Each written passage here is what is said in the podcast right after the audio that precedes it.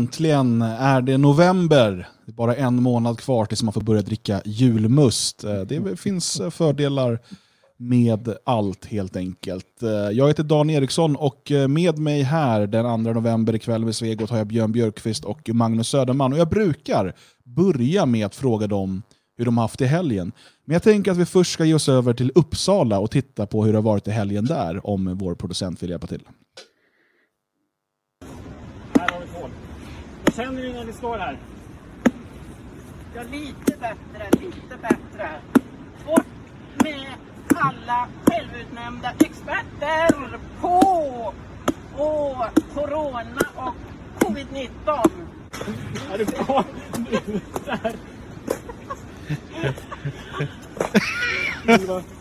Stampar sönder den. Det där, om man nu tänker på det som en symbolik så tycker jag att det kan känna lite hopp och det behöver nog vi alla göra tror jag.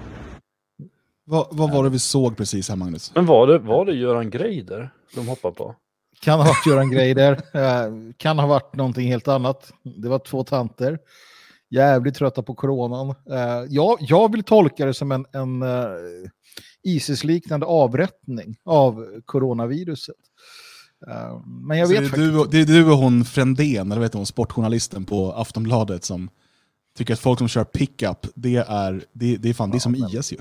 det var pickup med Trumpflaggor. Alltså du måste förstå ändå att det finns någonting där. Ord är våld. Flaggor är Isis. Och Frändén är snygg. Ja, det är mycket fake news här just nu hör jag. Eh, det jag undrar med de här damerna som slår, slår på alltså en pumpa som ska se ut som coronaviruset, det är vad hon den här eh, dam nummer ett eh, säger. För att jag förstår om de då, eller förstår, men, men det, på något sätt finns det någon logisk koppling om de slår på det så här, bort med viruset. Liksom. Eh, det är ju fortfarande helt absurt och galet och hur kom liksom P4 dit och säger det är så många frågor. Men det, då finns det någon typ av logisk linje här mellan slå på ett virus och säga bort med viruset. Men att slå på viruset i form av en pumpa och säga bort med alla självutnämnda experter. Va? Vad, är, vad, vill du tant? Jag tycker det är härligt. Speciellt också för att de har så svårt. För att de är så gamla och skröpliga. Och förstöra det där. Och de slår och, och slår och slår. Och hos mig kom också ljudet helt fel. Så de slog och så bara dunk. Så slog de så dunk. Bort. jag tyckte det var underbart. Um, tanter kan, vet du. Men, Men jag, nej, jag också, vet, hur, hur, jag tycker väldigt mycket om hur de säger så här att eh, ja, men det, det kändes väldigt skönt om man ser det lite symboliskt. Hur skulle man annars se den här handlingen?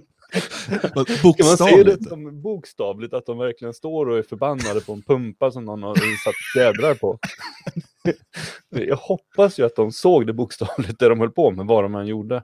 fast det Och kan det ju undrar är, nej men så här, vad, vad, tror, vad tror du Magnus? Är det, är det tan, tanterna som har ringt upp P4-reportern och sagt kom, vi ska slå på vi ska slå på en pumpa? Eller är det P4-reportern som har ringt tanterna? Skulle ni kunna komma och slå på en pumpa? Vad är det som händer? jag tror att det är tanternas barnbarn som har kontaktat, när, när, tanten, när tant A sa till tant B att de skulle göra det här, så satt barnbarn B och C och lyssnade. Och de ringde direkt till P4.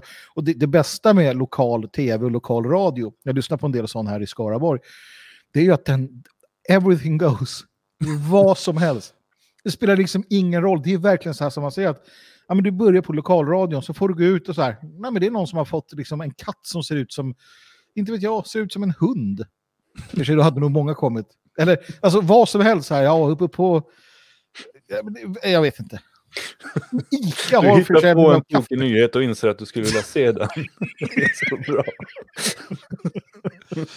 Ja, jag tycker det har varit förvirrande i alla fall när du pratar om A, B och C. Vi kan bara sagt tant grön, tant brun och tant gredelin så hade man hängt med mycket bättre tycker jag. Men kan det inte vara så att det är någon aktivitet någonstans då? Och där de bland annat hade det och media ändå var där. Jo, det kan skulle väl inte vara så att någon- två tanter har bestämt sig för att kalla ditt ett pressuppbåd för att de ska stå och slå på en pumpa. Men det är fortfarande så, visst det kanske finns ett sammanhang här, det finns en kontext, men jag är osäker på om den gör det bättre. Alltså, eller mer liksom rimligt. Det, här, det är vad det är. Det- Jag, jag tyckte det var konstigt. Inte obehagligt däremot, men eh, man ser ju att skallkrossar folket, eller yxkulturen, eller vad vi, att det lever vidare i germanerna än idag. Verkligen. Ja, Björn, har du slagit sönder i helgen? Eh, jag har inte slagit sönder någonting. Sluta anklaga mig. Uh, inte symboliskt i alla fall. Bara bokstavligt. Uh, nej, men i helgen så har jag... Um, uh, jag har ju varit och hälsat på Magnus i helgen. Mm, mm. Lite grann. Vi har hängt lite grann. Eh, Vad så har roligt, vi för vi pratade om det förra måndagen ju, att man, hemma hos Magnus får man aldrig sprit, man får bara be. Och det första du gör är att boka in en resa dit. Det är... Ja, men det var, det var inte du som sa att han hade massa sprit hemma. Jo, fick du någon? Nej, Inte hade det kul heller. Det var jävligt tråkigt. ja, det var riktigt tråkigt. Ja. Så det gör vi om. Ehm, nej, sen vet jag inte. Sen började någon aktivitet i huset, så då åkte jag hem. Men du Eh. Magnus, du var kvar under aktiviteten. Det var jag absolut. Eh, Så att, eh, det var ju skönt att, att Björn åkte hem där så att vi kunde fortsätta i, glada vänners lag med den här aktiviteten. Så att jo, det hade vi aktivitet. Synd att du inte var här, du som inte var här. Du missade ju någonting väldigt kul. Björn till exempel, du missade ju något fantastiskt. Kan jag säga på Mm. en gång. Och ni andra också. Jag tänker inte säga mer om det, utan kommer man inte så får man skylla sig själv.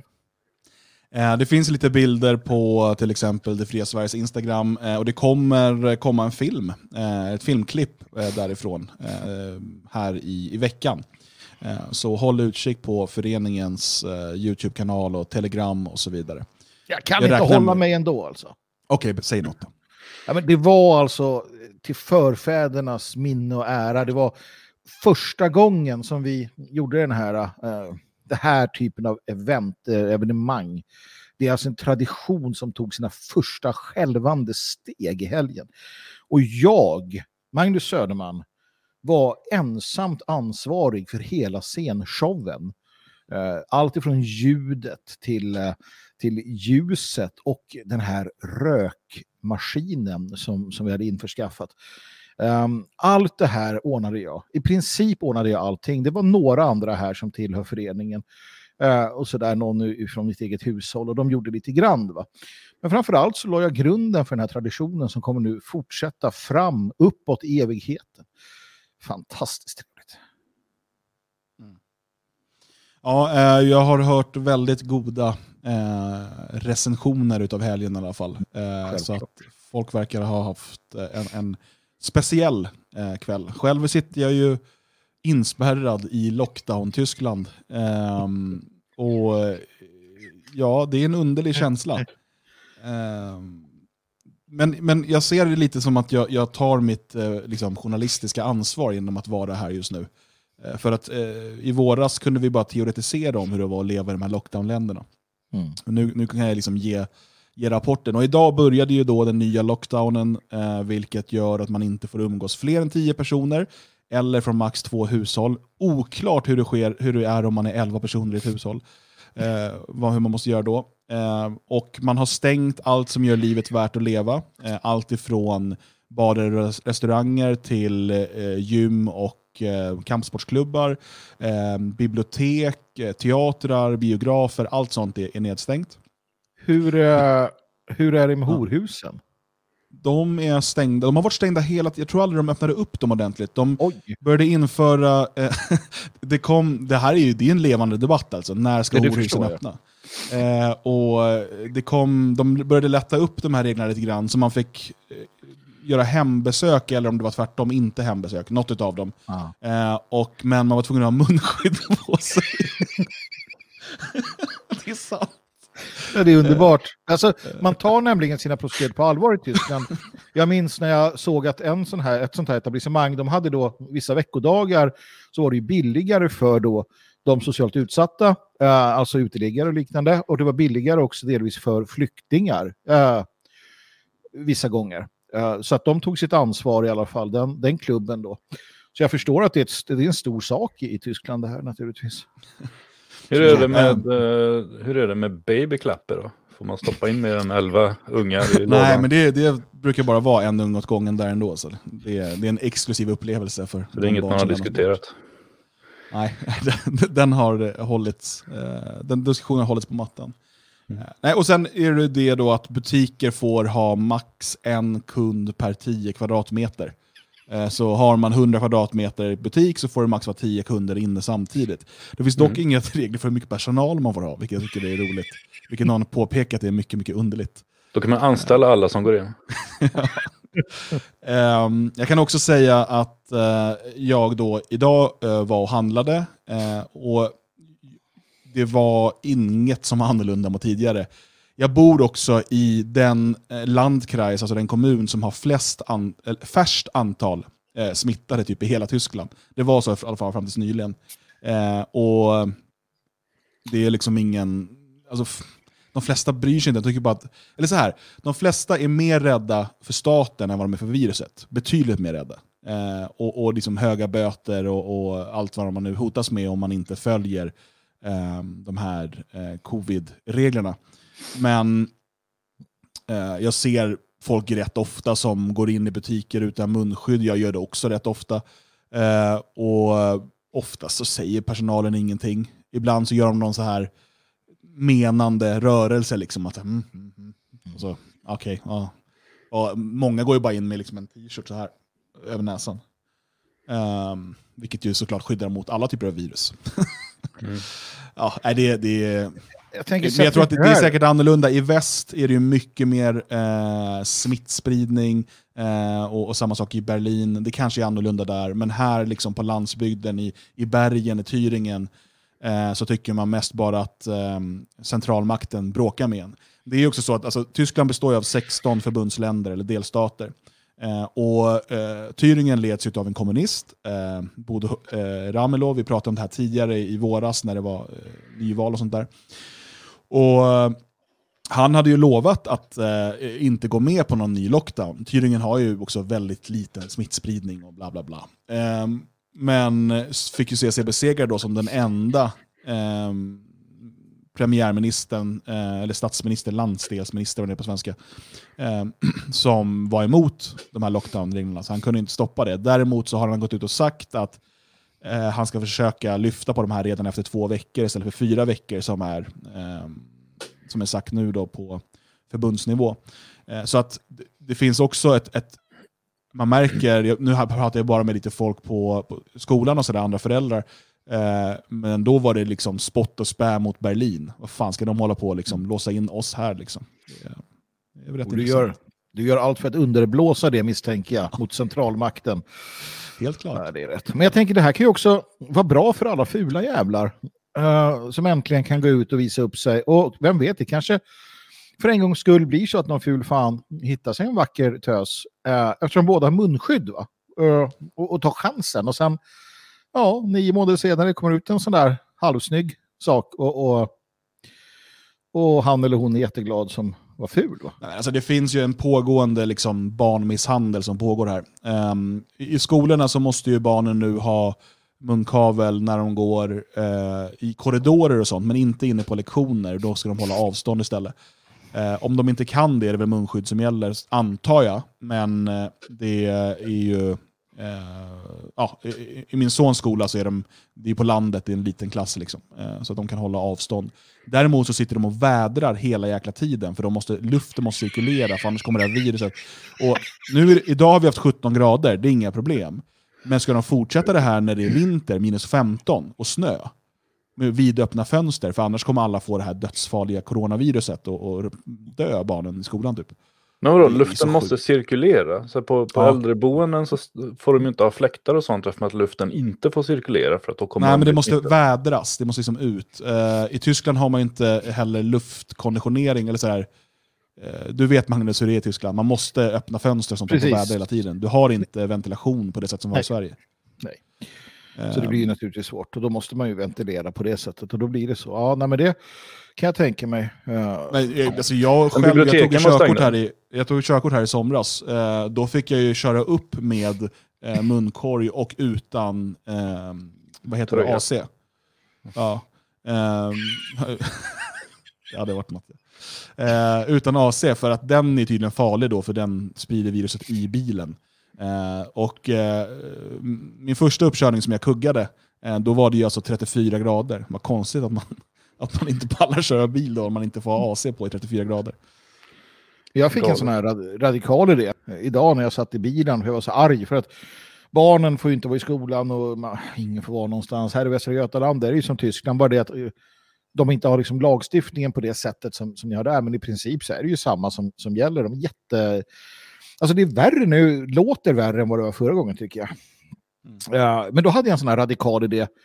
Att om man bara, istället för så här, folk ska åka, för nu, nu är de lite sjuka hemma va, så att nu ska vi åka, eller de, det är jättekonstigt. De har varit sjuka lite grann.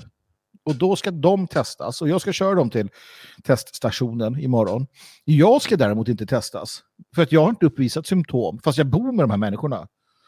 Eh, lite konstigt sådär, för, ja, i alla fall. Eh, men det jag tänkte, då åker man till en station och så drar de upp en sån där grej i snoken på en. Och då tänkte jag, varför inte något radikalt? Ha en station där någon jävel står och hostar på dig som har det här. Och så får alla under tvång åka dit. Så dör de som ska dö och resten dör inte.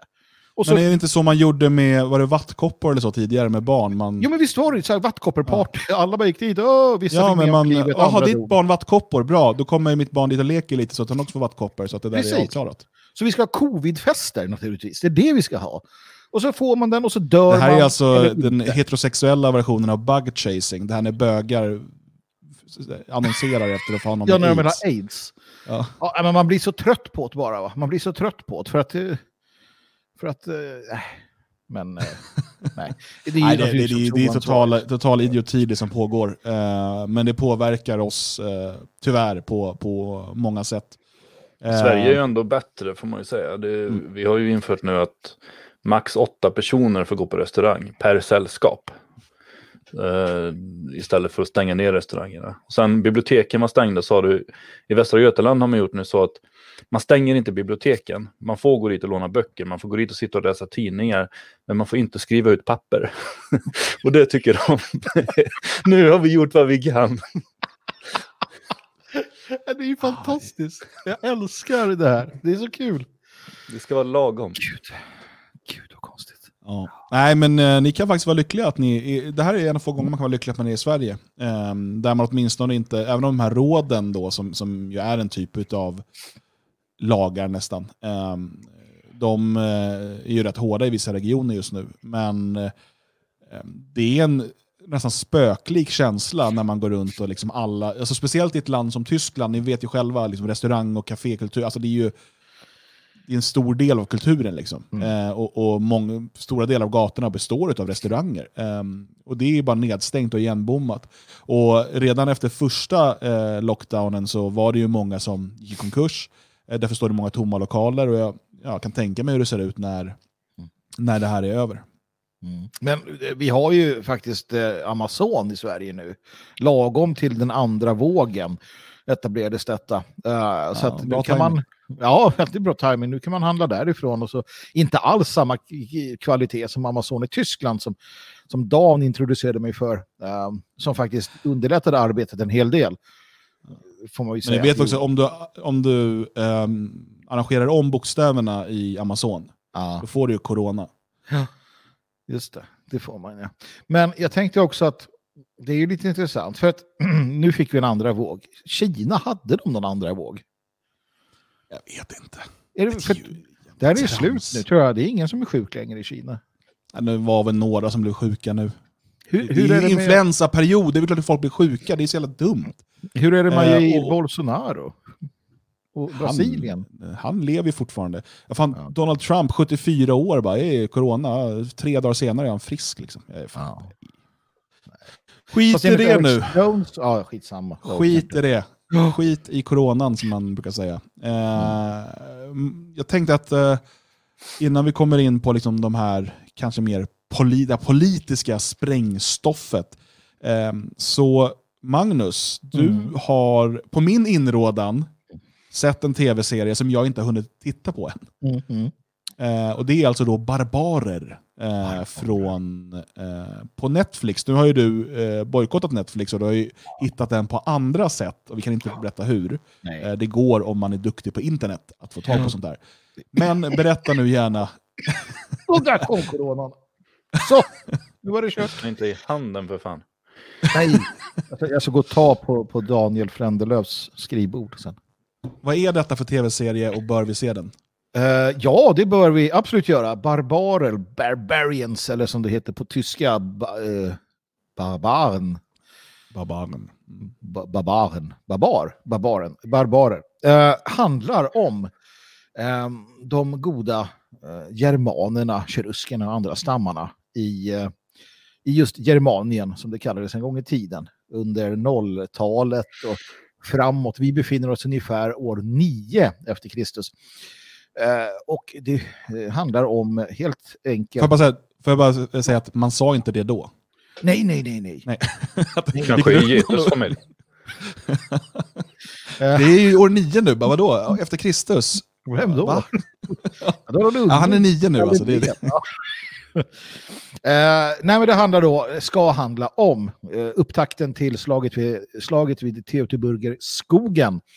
Där hövdingen, den kyrusiska hövdingen Arminius, eller Herman, som man säger, fast i den här kallas han Ari av någon anledning, um, lyckades då få en enad skara utav germaner att uh, helt enkelt uh, slå ihjäl tre, uh, tre stycken sådana här, inte legioner utan jo, tre legioner romerska soldater om jag inte missminner mig helt nu. Och, och man har ju naturligtvis byggt en story kring det här. Um, en del var faktiskt väldigt vettigt, till exempel att, att då eh, Arminius var en ädling. Han var därtill en ädling uppväxt och uppfostrad i Rom. Um, och sådana saker som kanske inte riktigt har framkommit i de mer eh, nationalromantiska skildringarna som gör gällande att han skulle kanske ha varit någon form av bara barbar som reser sig från skogen så var det naturligtvis inte. Uh, brukar sällan vara det kan jag också säga. Men man bygger upp det och sen har man ju lite sidoberättelser.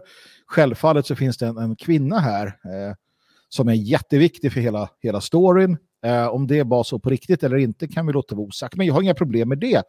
Eftersom jag inte har något problem med att... Är det något typ av kärleksdrama där också då? Eller? Absolut, finns, finns kärleksdrama där. Och, men de så, måste men det ha det, det, det behövs ja, ja, ja, Men sen är det en stark kvinna, hon är krigare, eh, hon är, eh, liksom har kontakten med gudarna och hela den här biten. Va? Så att, det passar in och det gör mig inget. Eh, vi vet att, att eh, våra germanska kvinnor var både högt hållna, hårt hållna ibland och eh, starka. Så det är inga konstigheter. Men man ska inte tro att det är en man ska inte tro att det är en, en dokumentär. dokumentär. Mm. Nej.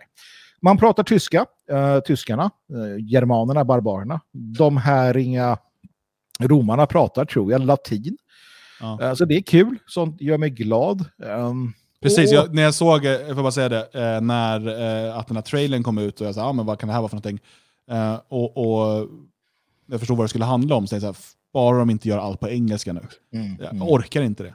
Eh, däremot så vet jag att på svenska Netflix, eh, har jag fått veta, är, eh, alltså det finns en dubbad version på engelska. Ah. Den är standard på svenska Netflix. Så man måste gå in och ändra språk. Ja, gör det om det nu var det. Eh, för den ska upplevas på tyska såklart. Men annars så nej, den, den, eh, jag har liksom inget att klaga på. Det, det är ingen eh, det är inga rasfrämlingar. Det hade, och det här är lite lustigt, det hade man kunnat haft med och inte skämmas för det.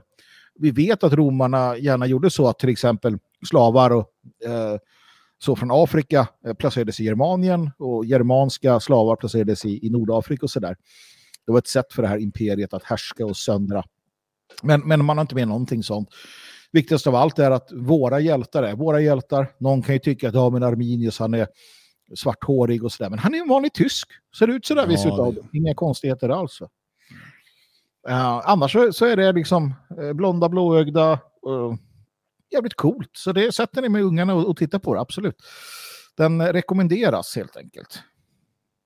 Ja, vad kul. Uh, jag har inte riktigt haft tid uh, att ge mig in på den. Uh, men med din rekommendation ska jag se till att, att det blir gjort. Det, det är ju faktiskt roligt att man gör eh, drama på vår, alltså viktiga historiska händelser för vår ras. Mm. Eh, som dessutom, vad jag förstått från dig nu och från andra som har sett den, inte alls är nedsmetad med PK. Liksom. Även om det, liksom, ja, säger, det har någon stark kvinna och sådär, men det är klart det fanns starka kvinnor i, de germanska stammarna också.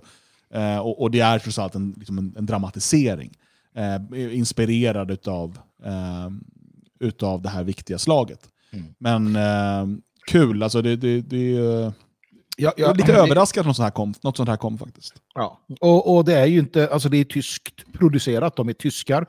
Så, så USA har inget med det här att göra, det är en, en, eh, en tysk filmproduktion. Uh, det, är, det är ju flera, flera delar då, så att den, är, den tar lite tid att se igenom, men det är värt det. Uh, och, och, för en annan så var det lite kul, jag sa det till grabben, att du har ju varit där vid den här Hermans Denkmal, uh, monumentet över Arminius i Teutoburgerskogen. En sån här jättestaty som reser sig. Ett fantastiskt område att vara i. Alla borde åka dit någon gång bara för att, bara för att se det hela. Så det är kul. Nej, och sen, jag, jag började ju titta på den här serien Vikings en gång i tiden, men jag, jag stod ut mm. Jag tror jag stod ut 30 minuter, sen stängde jag av det och sa jag kan inte se den här jävla dyngan. Det är ungefär som det här Games of Tro Game of Thrones. Ren skit är vad det är. Nej, men Game of Thrones hade jag lättare att se, för att uh, Vikings ska ändå någonstans... Uh, det är ändå vårt arv på ett annat sätt. Jo. Game of Thrones är ju fantasy, liksom. det är ja, något annat. Ja, precis. Uh, nej, jag, jag klarade inte heller av Vikings, men jag vet att många gillar det, så att, um, mm. menar, det, fin det, fin det, finns något för alla. Jo, jo, men de har ju fel. Alltså, det måste man ju börja klart för dem, att de har fel. Däremot Barbarer, den kommer ni gilla, och då gör ni rätt också. Ja. Och som sagt, ni behöver inte skaffa Netflix. Det finns andra sätt att hitta den. Kanske någon piratbukt, någon som ligger någonstans och sådär. Det, det, man vet aldrig, leta liksom. Um, så kan ni fortsätta bojkotta Netflix uh, efter deras uh, pedofilfilmer.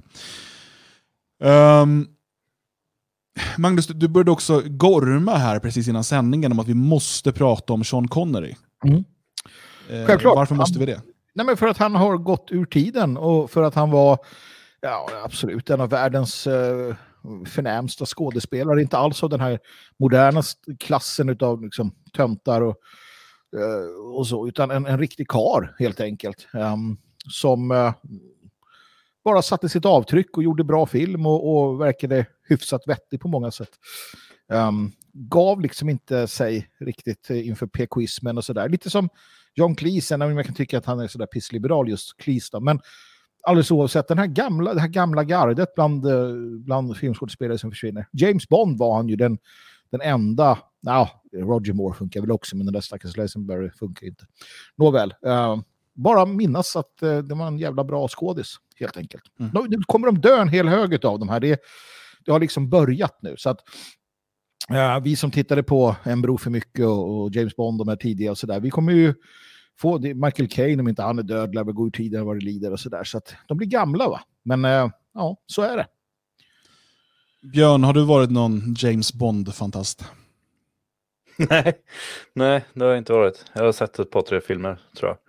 Mm. Uh, ja, men jag är ju inte, alltså, vi har suttit här och pratat uh, kultur nu i en kvart eller något. Jag, jag har liksom ingenting att tillägga. Jag har ingen koll, jag är så ointresserad av...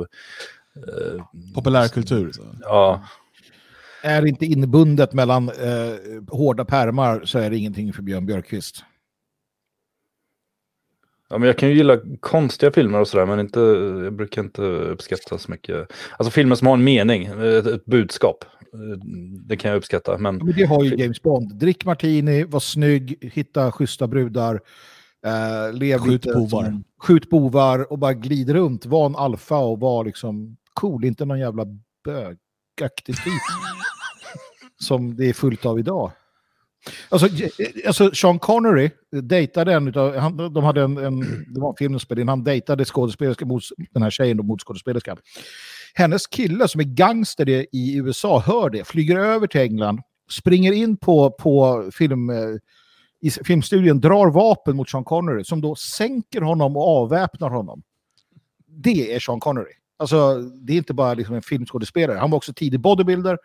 Um, tävlade i, i, i, sånt där och nej, det är riktigt kraftkoll. Det var en ren slump att han hamnade på, eh, liksom blev skådespelare. Ja.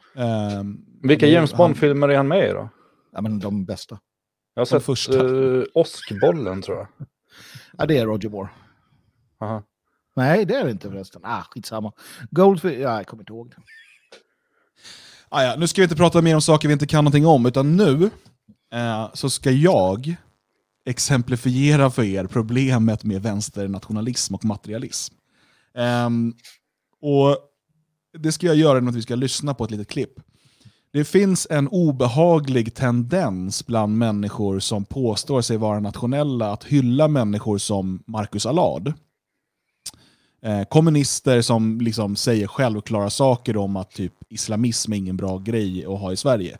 Eh, det ska inte komma pengar till islamistiska friskolor och sådär. Eh, och, och Jag ser människor vars liksom, namn och smeknamn på nätet jag känner igen från kanske vår chatt eller från eh, Twitter eller sådär som, som påstår sig vara nationella och som säger så här du borde ställa upp till riksdagen, det vore så bra med dig.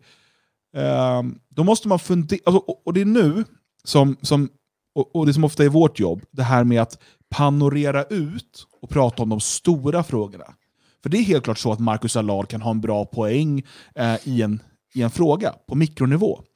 Eh, det är mycket sä säkert så att han kan eh, vara en frisk fläkt i Örebros kommunfullmäktige eftersom att han inte beter sig som de andra politikerna. Ja, men vi får aldrig glömma att Marcus Allard och liknande vänsternationalister som Framåt Sverige och vad de nu kallar sig, de är i grunden materialister och marxister. De har en sådan världsåskådning. Och I det senaste avsnittet av eh, podcasten Marcus och Malcolm eh, så eh, är Marcus Allard väldigt, väldigt tydlig med vad han, eh, hur han ser på svenskarnas framtid. Han är ju också väldigt ofta ute och, och talar om det här, istället för att prata om folk så pratar han om demos. Vi måste ha ett sammanhållande demos. Um, och jag, jag, tänker att vi lyssnar på det här klippet. Um, och vill ni liksom att jag pausar så säg till, men det är inte så långt. Um, så här låter det. Gädda. Så här, vi, vi, vi drar liksom, Abdi ska bli svensk. Och det här är också en sån här grej som vissa då säger Nej, Abdi ska ut för hans föräldrar är si och så. Bara, nej, det, tyvärr, jag är alldeles för röd för att ge upp på, så, på, sån, på alla dessa kalorier som Abdi är. På, på, på det stycket kött, på, det, på det, de musklerna, okay. vad, vad, han kan göra, vad han kan göra i produktionen om vi liksom gör rätt. Han är ett kugghjul i mitt jävla maskineri och han ska in där. Ja, alltså, jag, jag tycker bara så här vi skulle må så jävla mycket bättre i Sverige om folk kunde eh, sluta låtsas som att rasism var något problem som egentligen drev folks agerande i någon större mån. Ja. Alltså alla ja. de här personerna som man kan vara skitarg på för att de säger inga blattar i mina skolor. Om mm. deras, jag är inte arg på ja, nej, jag är inte. Om deras dotter dejtade någon sån där, uh, jag vet inte, någon liksom palestinsk Wall Street uh, uh, haj. De skulle inte säga, ja vet du vad, det är ju kul att han är rik och välutbildad men jag kan ju fan inte ha en jävla arab i min familj. Liksom. Tänk på generna. Det är ingen som bryr sig. Det här är fan socioekonomiska grejer och kulturella grejer i grunden. Eh, ehm, ganska tydligt. Um, alltså, vad är det? För att Marcus Allard är ju väldigt, väldigt tydlig här. Nej, Abdi ska bli svensk, för han behövs i produktionen. Vi kan mm. inte ge upp på så mycket kött och kalorier. Eh, det, det, är liksom att dra materialismen i sin, till sin spets. Mm. Alltså, eh, och det är allt det här, han, han, det, här, det, här det handlar om. Du ska inordna dig och bli en del i produktionen. Det, eh, det, är, det, är liksom, det, det marxistiska, det, det vänsterperspektivet. Och, eh, jag ska lämna det till dig snart Magnus. Men, men, hela den här idén om att du kan ha en vänstervärldsåskådning, alltså en marxistisk världsåskådning, materialistisk världsåskådning eh, samtidigt som du då skulle kunna vara nationalist. Det liksom hänger inte ihop för du, du missar den, den avgörande essensen i nationalismen. Och eh, När Marcus Allard slår emot islamistiska friskolor så gör han det för att de är ett hot mot att Abdi ska inordna sig och bli en del av produktionen. För det är det som är det viktiga. Um, och, och Sen spelar det ingen roll om Sverige är kaffebrunt eller om det är vitt. Det spelar liksom, inget av det här spelar någon roll så länge vi har ett sammanhållet demos som alla är en del av produktionen. Så kommer liksom, för det är den gemenskapen man vill ha. Eh, och, och jag, jag, tycker att det är så himla viktigt att återigen poängtera det här. För jag, jag, jag, ser hur människor är ute och eh, förvirrar sig eh, i de här sakerna.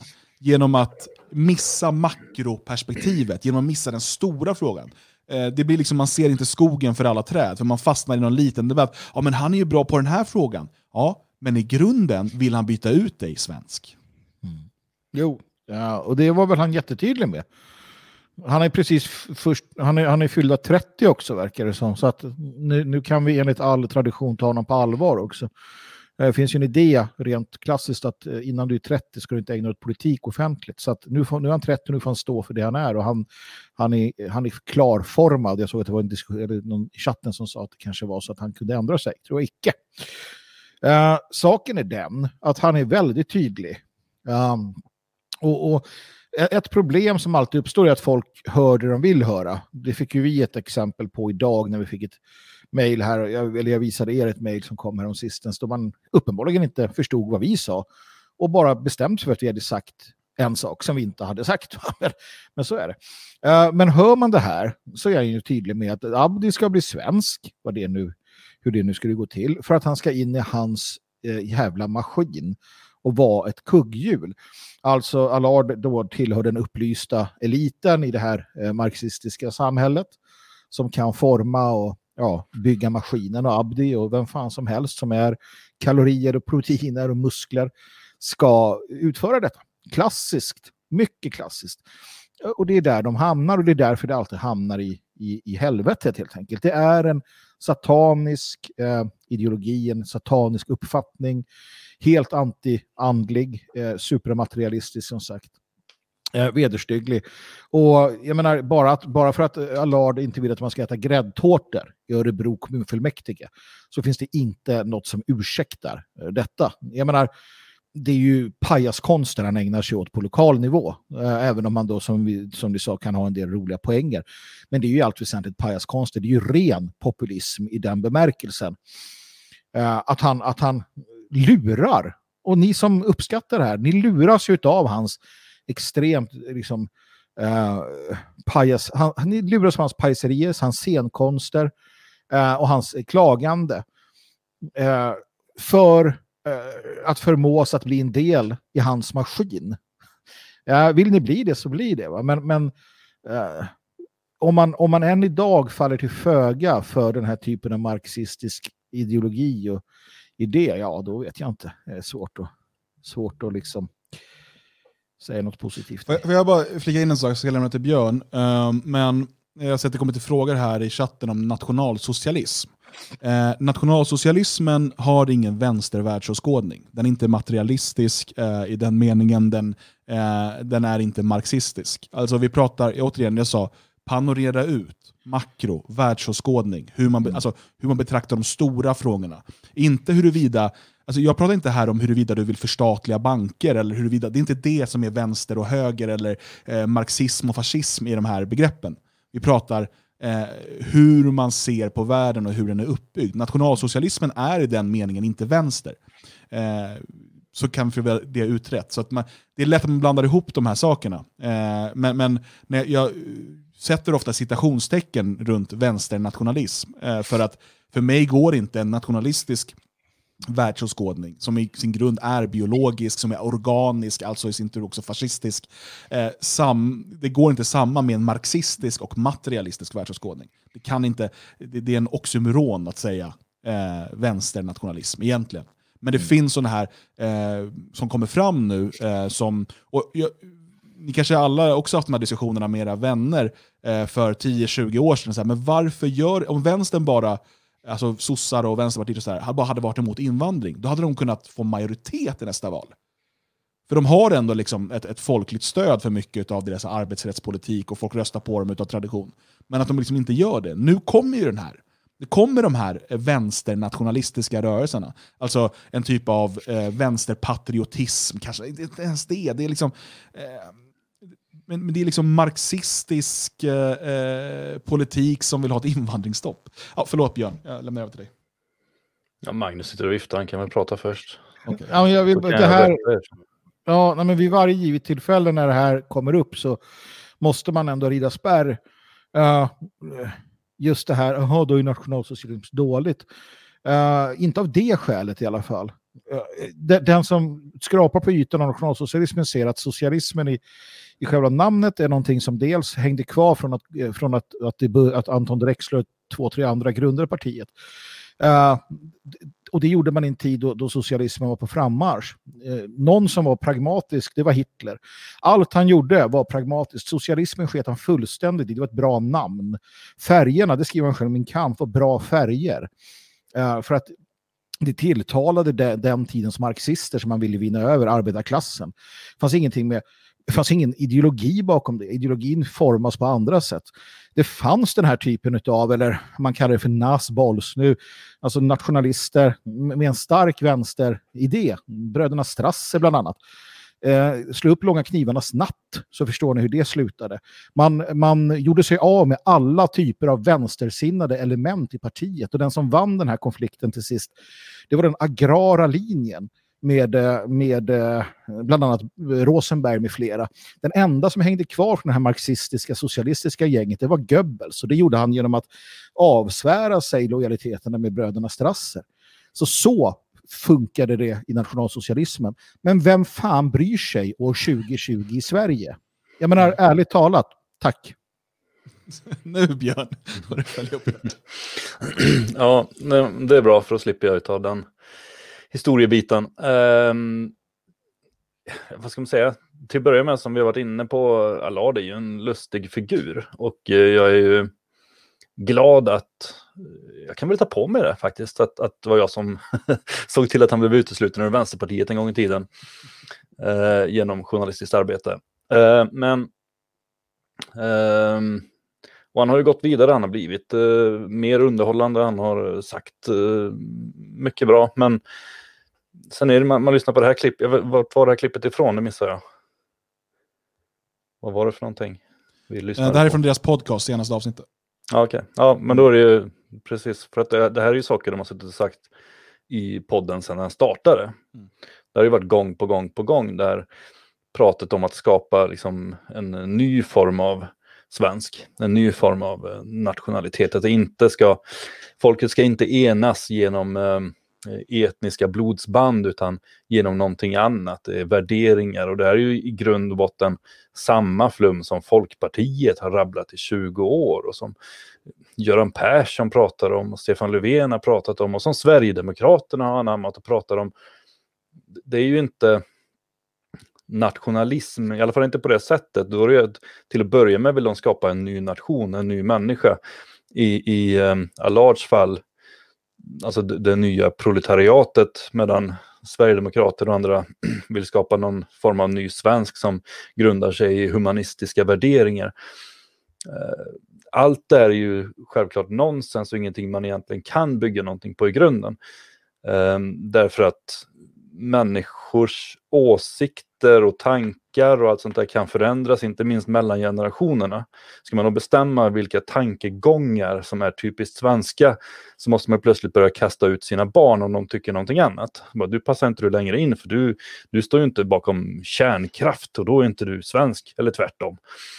Eh, det måste vara någonting annat som binder folk samman och det är ju det gemensamma arvet och vår gemensamma framtid och det som finns däremellan. Och det som knyter oss samman det är ju våra gener. Har man missat det så är det ju inte nationalism.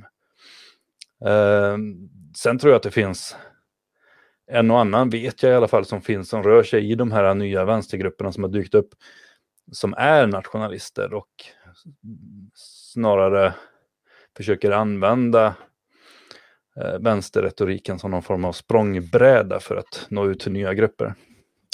Här, här är det ju viktigt, som Dan var inne på inledningsvis, tycker jag också, att, att göra skillnad i det fria Sverige, föreningen som jag själv företräder och är med och grundar, så, så konstaterar vi ju att du kan vara vänster och medlem, du kan vara höger, du kan vara fascist, du kan vara nazist, du kan vara ja, i princip vad du vill. Va?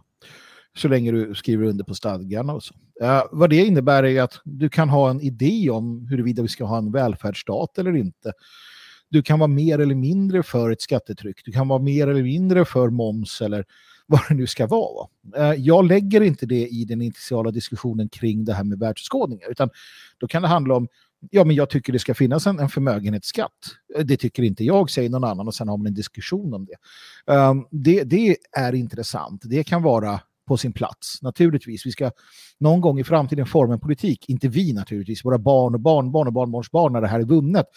Och då gör vi bäst i att, att också ge en grunden, eh, ge argumenten för det vi tror på i, i, i det. Um, men det är en jävla skillnad att diskutera eventuella skattesatser på eh, bränsle och att betrakta människor, precis som vi har sagt, som kött, som protein, som kolhydrat eller vad det nu var han sa, som ska Som in som, som, precis, som ska in i kugghjul i det som är staten, i det här fallet Allard och hans, hans eh, anhang.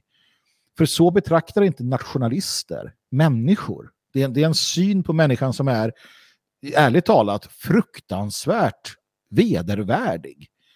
Eh, man reducerar dem till inget annat än, än det rent materialistiska. Eh, och det kan också bara leda till en sak. Och det är en, en, en syn på människan i grund och botten som någonting som när det är uttjänt ska kastas bort. När det inte duger längre i maskinen, då ska det ut.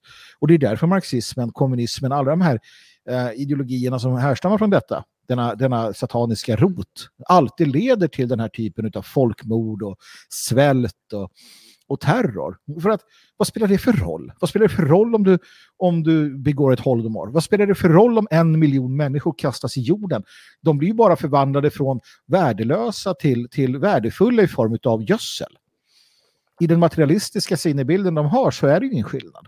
Så att det är det det slutar med och Allard tillhör det gänget och det ska vi inte glömma bort. Mm. Man kan också säga att eh, ehm, det är säkert något år sedan eller två, men, men Allard har ju också nämnt i podden ett, ett exempel på hur det här med assimilation kan gå till. Ehm, så har han då tagit Volgatyskarna som exempel, vilket är minst, alltså Volgatyskarna under Sovjetunionen.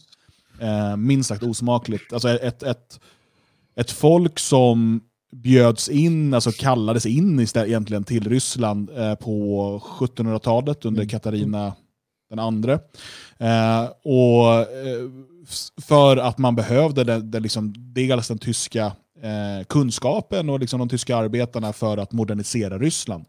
Eh, sen kommer bolsjevikernas revolution Eh, och eh, Volgatyskarna eh, tillskansar sig då ett autonomt område inom Sovjetunionen för att kunna fortsätta leva eh, som de önskar. Detta fråntas dem 1941 och det ges aldrig tillbaka. Eh, och istället förbjuder man dem på många sätt att utöva sin kultur. Eh, de ska bli en, den nya Sovjetmänniskan, eh, de, även de. Eh, och många har fördrivits eller mördats som inte gick med på att då bli nya sovjeter. Eh, det är liksom, ja men det, det är, kolla hur man gjorde där med Volgatyskarna. Det går om man vill. Ja. Hur var det i Sovjetunionen nu då? Äh? Ja, det är vedervärdigt. Jag tänkte också på det som du var inne på, Björn. Du sa någonting om eh, skilja barn från sina föräldrar. Precis, det är ju det de gör. Det finns inga sådana, och det, det här är ju också den historielösheten som vi har. Alltså i Sovjet och på andra ställen så gjorde man det.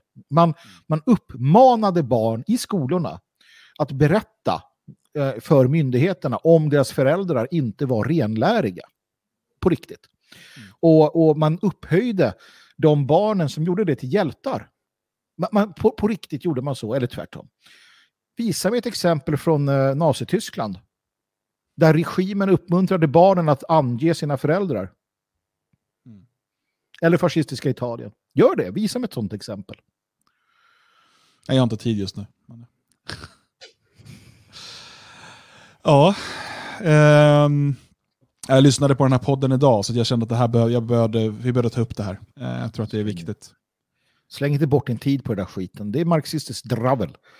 Ja, men det är, jag, tycker om att, eh, jag tycker inte om att lyssna på människor jag håller med. Jag tycker det ger mig ingenting. Jag tycker om att lyssna på människor jag inte håller med för då får jag utmana mina egna tankar och formulera argument. Jag lyssnar bara på mig själv. Det är också rimligt.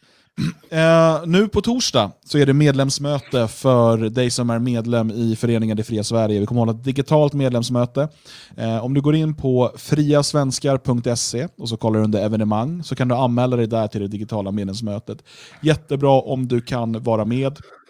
Eh, på så sätt kan du också vara med och, och bidra eh, till hur föreningen ska arbeta framöver. Det är där man liksom har möjlighet att, att ha inflytande på löpande basis. Eh, dessutom eh, så vill jag påminna om att imorgon är sista dagen för kampanjen på nationalisten.se, alltså vår tidskrift Nationalisten som kommer ut en gång i månaden.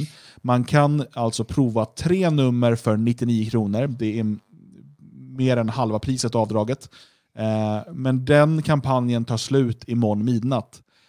Då får man alltså oktober, november och decembers nummer hemskickat eh, för bara 99 kronor. Så in på nationalisten.se eh, och klicka på erbjudandet eh, och teckna prenumeration nu. Senast midnatt då mellan 3 och 4 november. Sen fungerar inte erbjudandet längre, helt enkelt.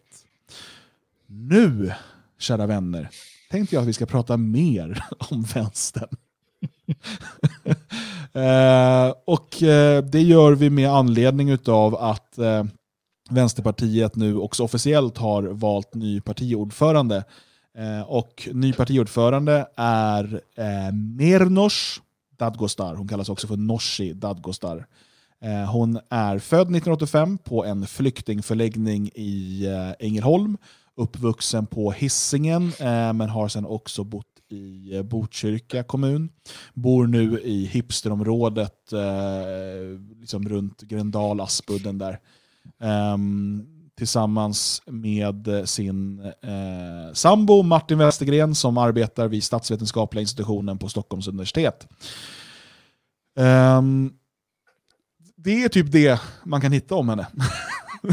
det, är liksom, det är en väldigt anonym partiledare på det sättet. Och bilder på hennes bröst. Eller alltså, urringning. Klassklyftor, Dan. Vi ska prata klassklyftor. Nej, jag tycker att vi, vi, lämnar det där. Jag tycker att, jag tycker att det där är för, det är för lågt hängande frukt. Jag håller.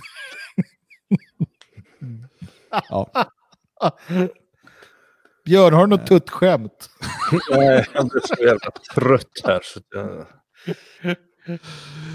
Uh, det vi kan konstatera nu i alla fall är att utav åtta partier i riksdagen, eh, eh, alltså av partiledarna, så kan vi säga att det finns en grov överrepresentation av perser och afrikaner. Aha. Och att svenskar är underrepresenterade. Ja. Det kan vi konstatera. Det är jobbigt med statistiskt underlag på åtta eller nio personer, men visst, det, det är fortfarande sant det jag säger. Vilket också bevisar att statistik är skit. Men det passar Hur som helst, vad va, va, vad tänker du, eh, Björn? Mm. Kommer eh, Dadgostar kunna fylla Sjöstedts skor? Nej, absolut inte. Uh, eller vad fan ska man säga? Jag vet inte. Vi får se. Hon har ju inte synts speciellt mycket tidigare. Jag har i princip jag spelade in en film om henne igår, men jag hade liksom ingenting att säga utan jag pratade om en massa andra grejer istället för att um, nej, eh, Sjöstedt var, var bra på det han gjorde. Han var duktig och uh, inte minst när han satt i Europaparlamentet tyckte jag att han var väldigt bra på att se till att svensk media rapporterar om vad som händer i EU. För att det, det gör de väldigt ogärna och ingen annan som sitter där borta har lyckats med det på det sättet han gjorde. Uh, han, är, han var driven, han var Eh, påläst och samtidigt gav han ett folkligt intryck. Han framstod som trevlig. Eh, inget av det har jag sett hos den här nya, men eh, ja, hon kan väl kanske utvecklas så. Men jag tror, tror inte alls att hon kommer eh, lyfta partiet i alla fall. Och jag tror att väldigt få svenska arbetare kan liksom identifiera sig med en eh, eh persisk eh, kvinna som har, alltså vuxit eller fötts på ett flyktingboende. Jag, jag tror att gapet där mellan väljarna och partiledaren är ganska stort. Mm. Alltså, hon har ju sagt att ett av hennes, eh, vad hon vill göra är att vinna tillbaka arbetarröster på landsbygden. Eh, de som nu, många av dem har gått till Sverigedemokraterna. Vad tror du Magnus, vad, eh, alltså hur stor är chansen att Sverigedemokratröstande landsbygdsarbetare röstar på en vänsterpartistisk iranier? Nej, obefintlig. Eh, det som händer nu och som kommer hända det är att det kommer bli tokigare. Och det blir tokigare för att nu har de ett fruntimmer vid styr, styrstocken här på, på Vänsterpartiet. Alltså saken är den att, att Sjöstedt och till viss del ändå Gudrun Schyman, men, men ja, för hon spårar ju sedermera då, men Sjöstedt har ju ändå kunnat hålla lite jävla ordning på skutan. Alltså Vänsterpartiet är ju eh, nedlusat med den här typen av extremt galna vänsteraktivister också. De som inte försvann till Fi eller som inte kändes här med MP, de finns ju i Vänsterpartiet. Och och det är alltså riktigt tokiga jävlar.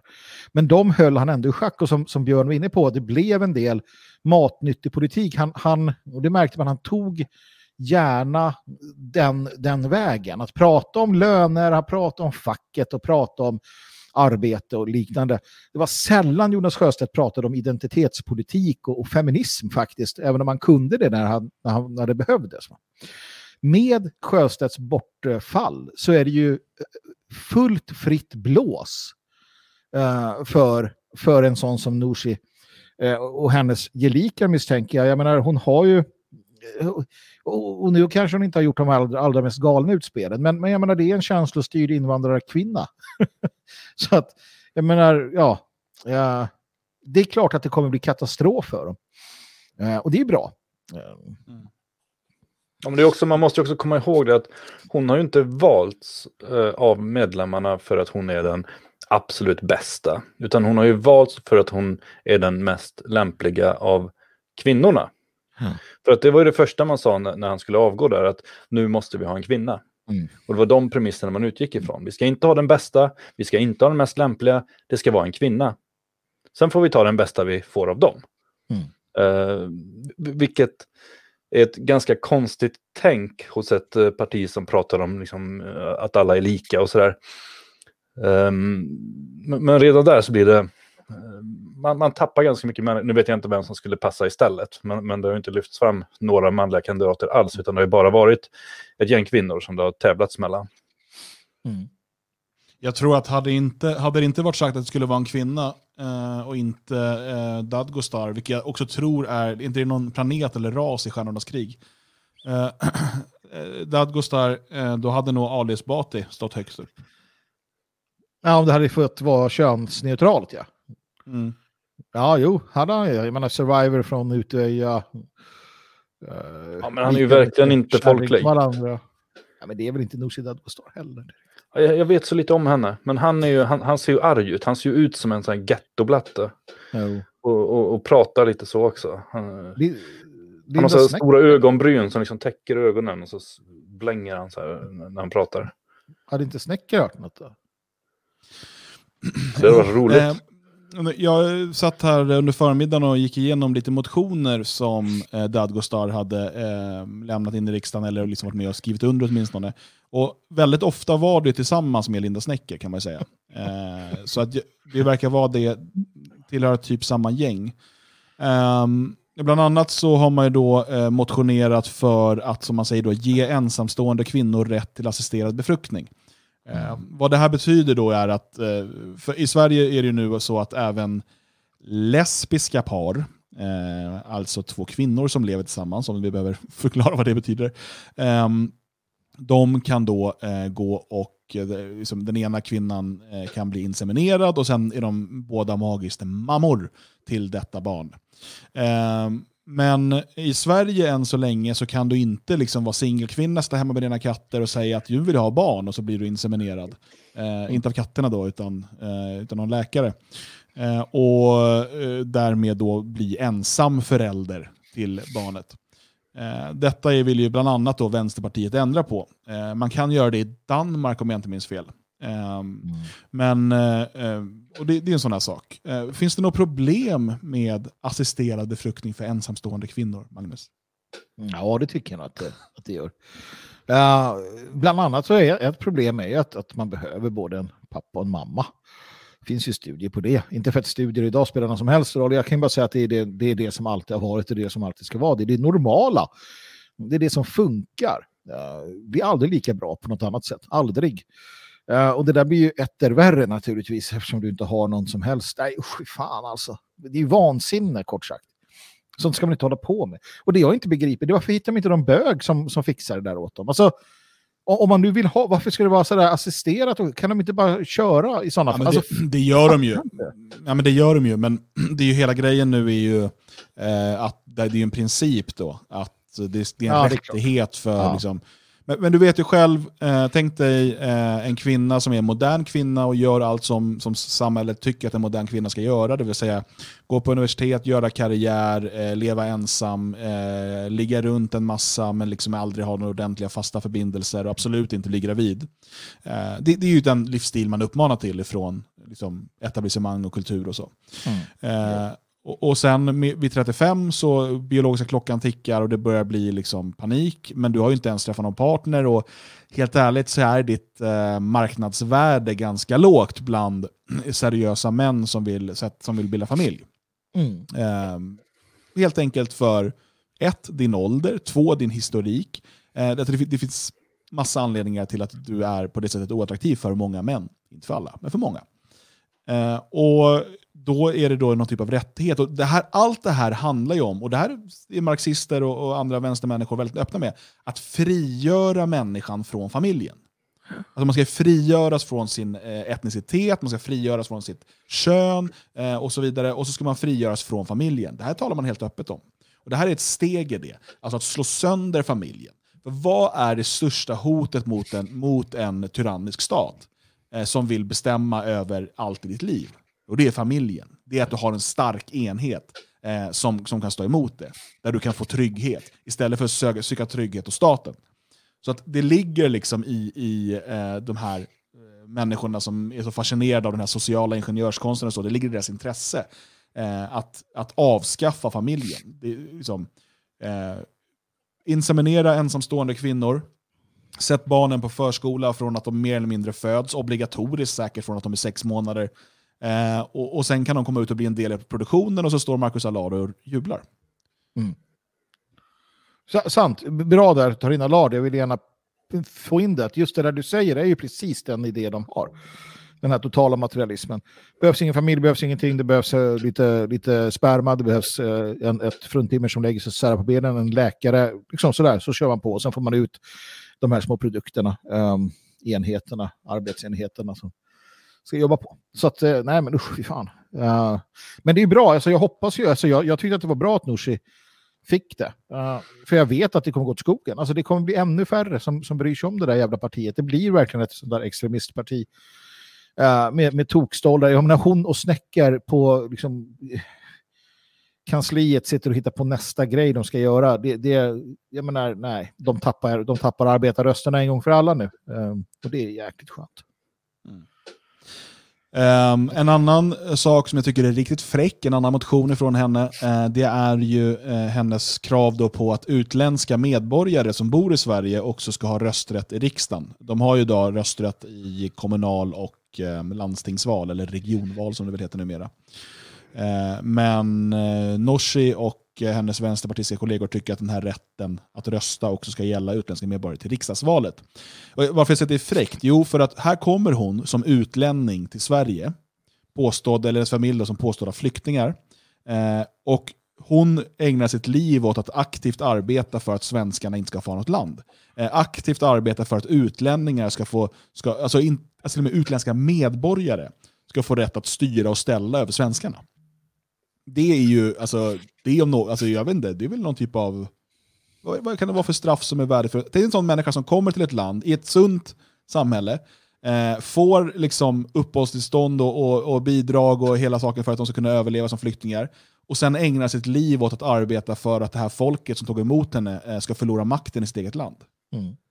Jag tror att man hade nog, ja, det är väl någon typ av hängning på torget som hade varit i ett sunt samhälle eh, för en sån typ av eh, agent. Ja, men en sån här sak skulle man ganska lätt kunna pröva också på. Alltså, tror de verkligen på det här själva? Att, att, att det är vettigt det de säger?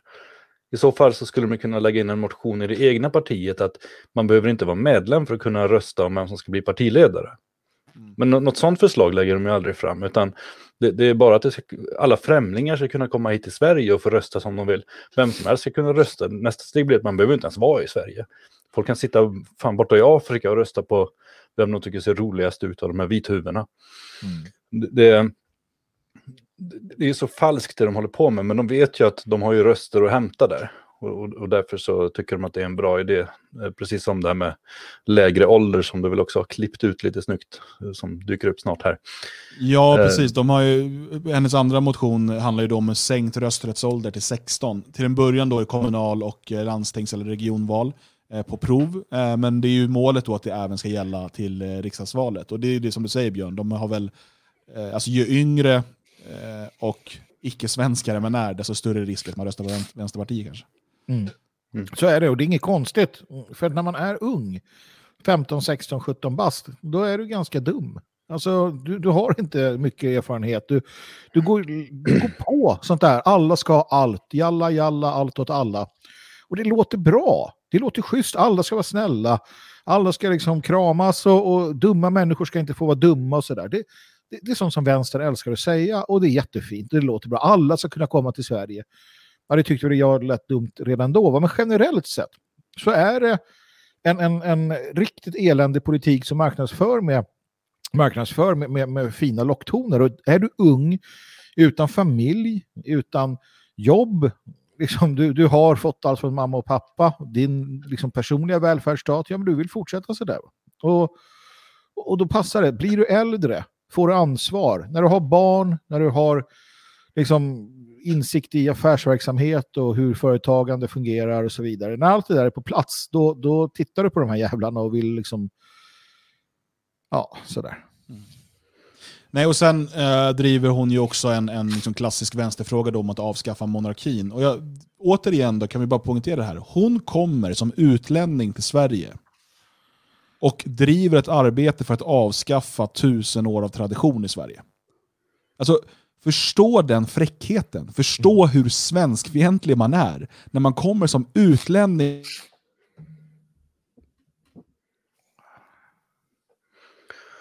som styr över oss. Utan för att också avskaffa liksom, den tradition som binder oss tillbaka till våra förfäder så långt vi kan titta. Alltså, det vill hon avskaffa. Det, det, är, alltså, det är så höjden av fräckhet. Kom ihåg det när ni ser den här Dadgostar stå i tv. Det här är, det här är den, den persiska kvinnan som vill ta allt ifrån dig, som vill förstöra din tradition och ge bort makten till utlänningar. Kom ihåg det. Det ska vi. Jo, men så är det. Och- och s- Sen är det, vad är det för skillnad på Vänsterpartiet idag och för tre dagar sedan nu när de har bytt partiledare? Det är ju ingenting egentligen, förutom att de har en kanske mer osympatisk partiledare. Ehm, igår så var det en debattartikel av eh, Malin Björk i, eh, nu kommer jag inte ihåg om det var DN eller Svenska Dagbladet. Jag pratade om det igår kväll i min film, men jag minns inte. Som går ut i alla fall på att eh, vi måste slopa de yttre gränserna kring Europa. Alla måste få komma hit och söka asyl. Ö, ihop då med den där tidigare motionen, alla ska kunna komma in i Europa och alla ska kunna komma och rösta i Sverige. Fullständig galenskap. Idag ser vi hur Vänsterpartiet tillsammans med Miljöpartiet och Feministiskt initiativ i Göteborg har försökt skapa, eh, eller eh, har lagt fram ett förslag om att alla som omfattas av gymnasielagen och bor i Göteborg ska anställas av kommunen för att annars kommer de här stackarna åka ut. Och återigen omsätter på deras egen verksamhet. Varför, inte då, varför kan inte Vänsterpartiet själva anställa de här människorna? Och då kanske de säger, nej men vi har ju inte råd att anställa alla dem. Men det har inte kommunen heller, det är ju lånade pengar. Det, det är våra pengar, det, det är göteborgarnas pengar.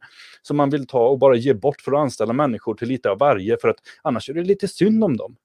Och har de inte pengarna, men sparka ut de som redan sitter där då i, i Vänsterpartiet och är avlönade. Nej, men det kan vi ju inte göra, då har ju inte de något jobb. Nej, men det har inte de svenska ungdomarna heller, som inte får arbeten därför att vi ska anställa de här gymnasiemännen. Alltså det, nej, utan alla ska vara med, alla ska betala, alla ska göra allting så himla fint och vi ska satsa på de här ungdomarna. De ska gå först, vi ska ha helt öppna gränser. Allt är precis som vänstern har varit väldigt, väldigt länge. Och eh, vad ska man säga för att eh, återigen inte hamna ute i, i illegala marker. Ehm, ja, nej men de har, de, de har fel, kan vi säga lite snällt. Och de har lika fel idag som de hade för fyra dagar sedan. Alltså partiet har ju inte förändrats eh, någonting, utan snarare väl att de kanske mer kommer att trycka på de här frågorna än vad de tidigare har gjort. Ja. Eh, vad håller Magnus på med? Ni som ser videoversionen här. Han är konstig. Ja. Vad gör du Magnus? Nej, jag var tvungen att snyta mig. Jag har ju fått en jävla förkylning. Ah, corona, okej. Okay. Men vi tar en, att, eh, en äh... coronapaus då, eller? Ja, jag hade hoppats att den där producenten var med lite så här, men jag tar bort honom när han inte syns. Men nej, nej, jag... han satte upp det i storbild. Jo, precis, det är som det. Så jag pratar med honom sen om det här, eh, de här misstagen han gör. men ja, vi tar lite musik tycker jag i alla fall. Vi tar en musikpaus och när vi är tillbaka så ska vi snacka om valet i USA såklart. Eh, och även lite grann om Magda Gad. Magda Gad Magda- ja, Erik Gads eh, storasyrra eh, Magda Gad. Eh, vi är strax tillbaka. Mina vänner, nu sjunger vi tillsammans.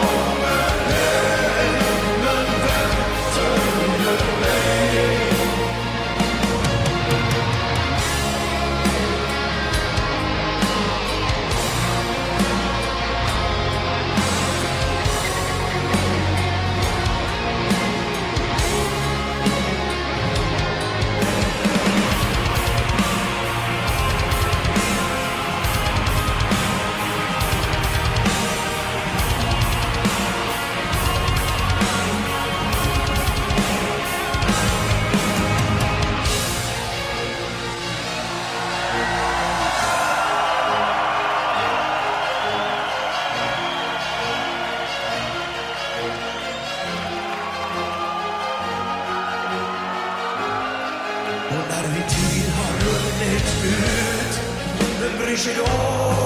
Vi kämpar på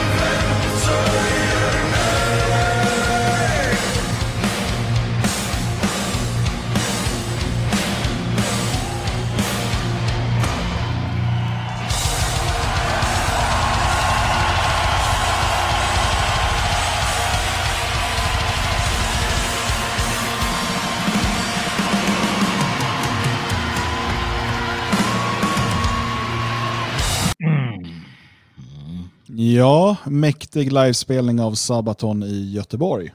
Ja, nej, alltså det är ju väldigt synd att eh, vi tre, i alla fall två av oss, jag och Björn, Dan vet jag inte, att, vi, att man är liksom tondöv, att man, inte kan spela ett, att man inte kan skriva en låt. Barn har varit på mig i tio år nu tror jag.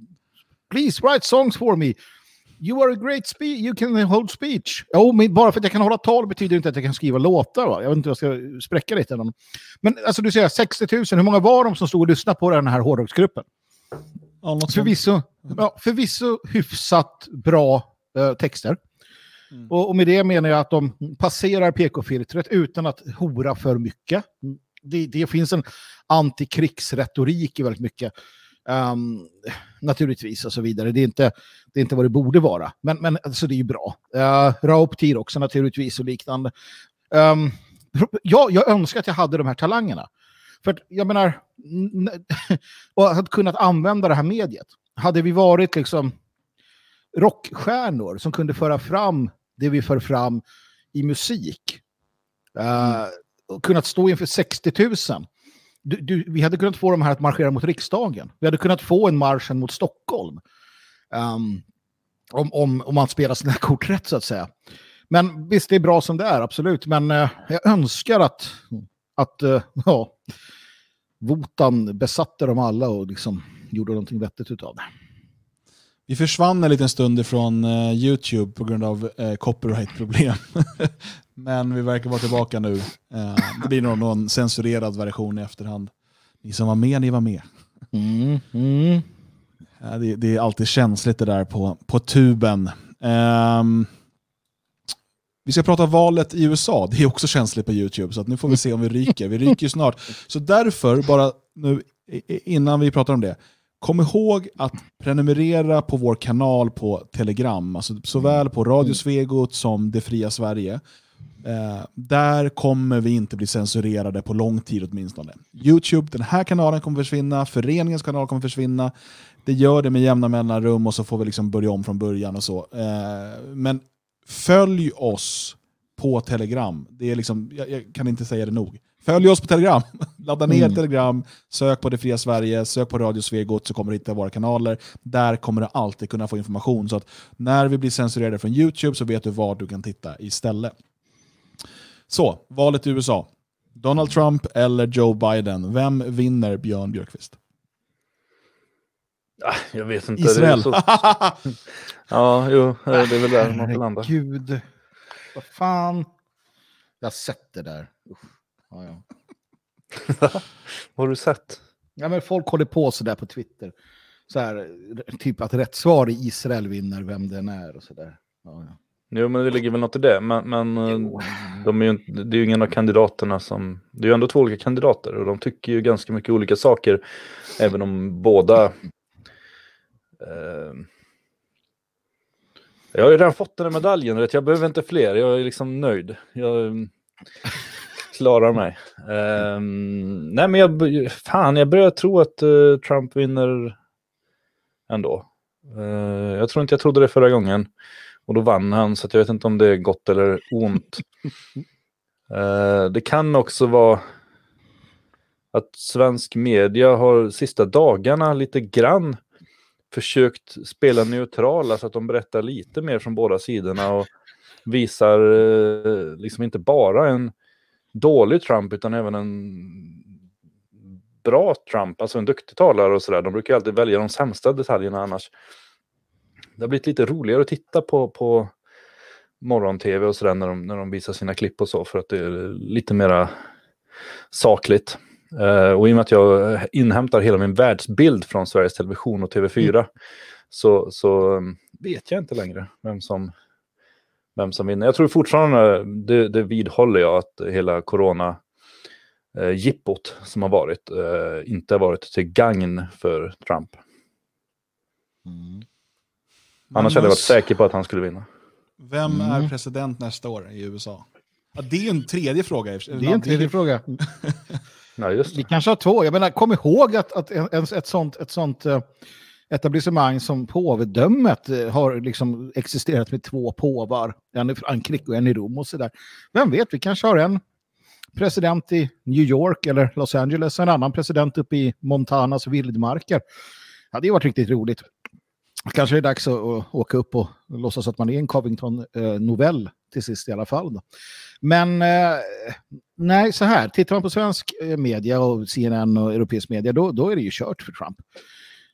Fram tills igår var det det. Sen började man så här, ja, kanske i alla fall. Va? För att det är någonting som händer. Va? Och jag tror att det som händer är det som sätter sig och har ju satt sig den senaste veckan. Följer du massmötena? Följer du Trump-karavanerna? Du hade ju för fan, jag vet inte hur många mil utav bilar som stod uppställda vid, vid senaste, eh, ett av de här mötena han var på. Eh, man blockerade en stor bro i, i New York eh, med sådana här Trump-karavaner.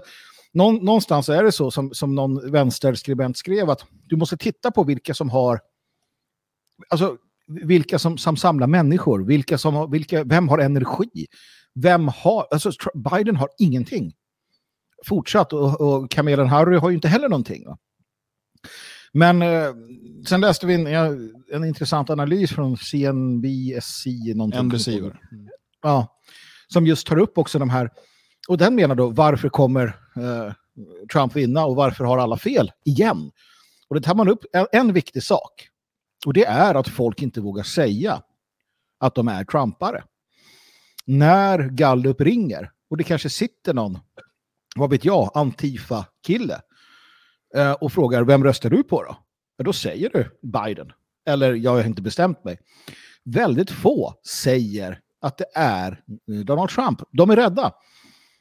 Människor har fått hotbrev när de haft en Trump-skylt. Eh, och sådär. I, I de områden där du inte har, alltså bor du i ett område där alla röstar på Trump och alla har vapen, ja visst. Men bor du i andra delar, då säger du inte öppet. Alltså människor har blivit skjutna, misshandlade på, på öppen gata för att de röstade eller tyckte att Donald Trump var en bra idé. Va?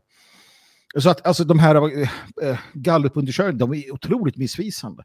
Jag säger som jag sa förra gången, tror jag i alla fall, att han vinner. Trump vinner, om det inte är valfusk.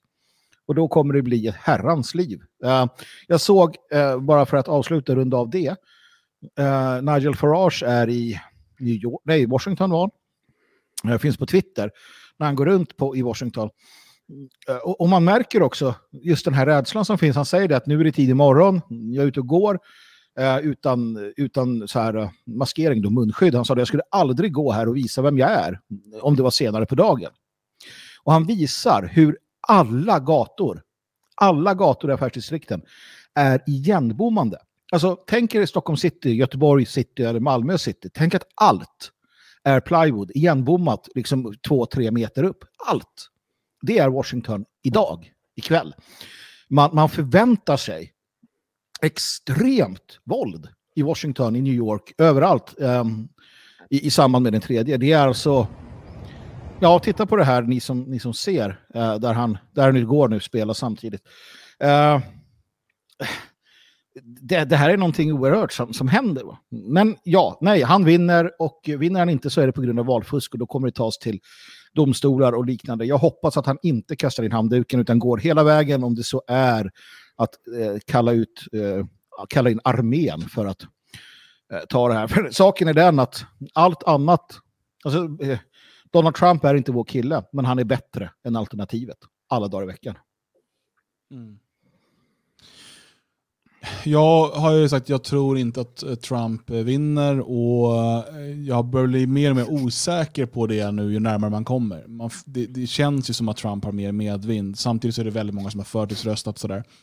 Um, däremot så tror jag att hur det än blir så kommer det bli intressant. Alltså, och speciellt om det blir ett jämnt resultat. För att i medströmsmedia och liksom från etablissemanget och så, så har man ju talat mycket om att ja, men Trump kommer aldrig godkänna, liksom, om, om Biden vinner så kommer han ställa till med något för att liksom inte godkänna förlusten. Men väldigt få, om ens någon, i medströmsmedia har talat om hur Biden kommer att agera. Eller det demokratiska partiet, Biden kan inte agera. Han är helt trött. Liksom. Men, men, eh, och, och, och kanske framför allt, hur kommer deras gatutrupper i Black Lives Matter och Antifa och så vidare, hur kommer de agera? Kommer de godkänna att det blir fyra år till med Trump? Eh, och vad, oavsett vad resultatet säger. Det kommer ju liksom, inte nog med att det kommer talas om valfusk, för det är egentligen relevant. Vinner Trump eh, så kommer vi nog få se upplopp som är värre än de vi sett i, i somras. Och det finns ju en annan aspekt av det här också som jag vet inte om någon har plockat upp den, säkert konspirationsteoretiker. Um, det kan ju vara så att en vinst av Donald Trump är det som behövs för att USA ska bli uh, ännu mer ofritt. Och då tänker folk, vad fan sitter han och säger nu? Jo, det är ganska enkelt. Om Trump vinner, Demokraterna vägrar acceptera det, Uh, de här rörelserna du pratar om, Dan, uh, sätter igång på allvar. Och armén sätter igång på allvar. Trump gör det som, som ingen president har gjort, som ingen president får göra. Uh, och helt enkelt ta kontrollen över landet. Ja, helt plötsligt så skulle det vara ett helt annat USA. Uh, då är vi inne i Spenglers idéer om de starka, uh, de starka ledarna. Vi ser i, i Ryssland hur Putin har manövrerat för att sitta kvar vid makten tills han själv väljer att, och lämna den. Du har Kina, du har andra. Varför inte? man, man tror att det är så stabilt, den här amerikanska konstitutionen och den amerikanska way of life. Det är inte stabilt. Inte ett dugg. Imperier faller. Um, det är ett, ett, ett alternativ som, som då, vid sin, då kan man tycka att det skulle vara en bra idé med Trump. Men det kanske visar sig vara det absolut värsta av allt. För att då får du en, eh, en helt annat, ett helt annat samhälle. Och att det, då kanske folk skulle bli eh, arga på det. Jag vet inte. Men det finns alternativ. Mm. Nej, och sen är det så här, visst Trump är inte vår kille, helt klart. Det är inte, det är, men eh, det är ju faktiskt så att valet står mellan de här två och det är ganska olika eh, världsåskådningar som möts här. Det är faktiskt mer olika än vad folk kanske vill tro.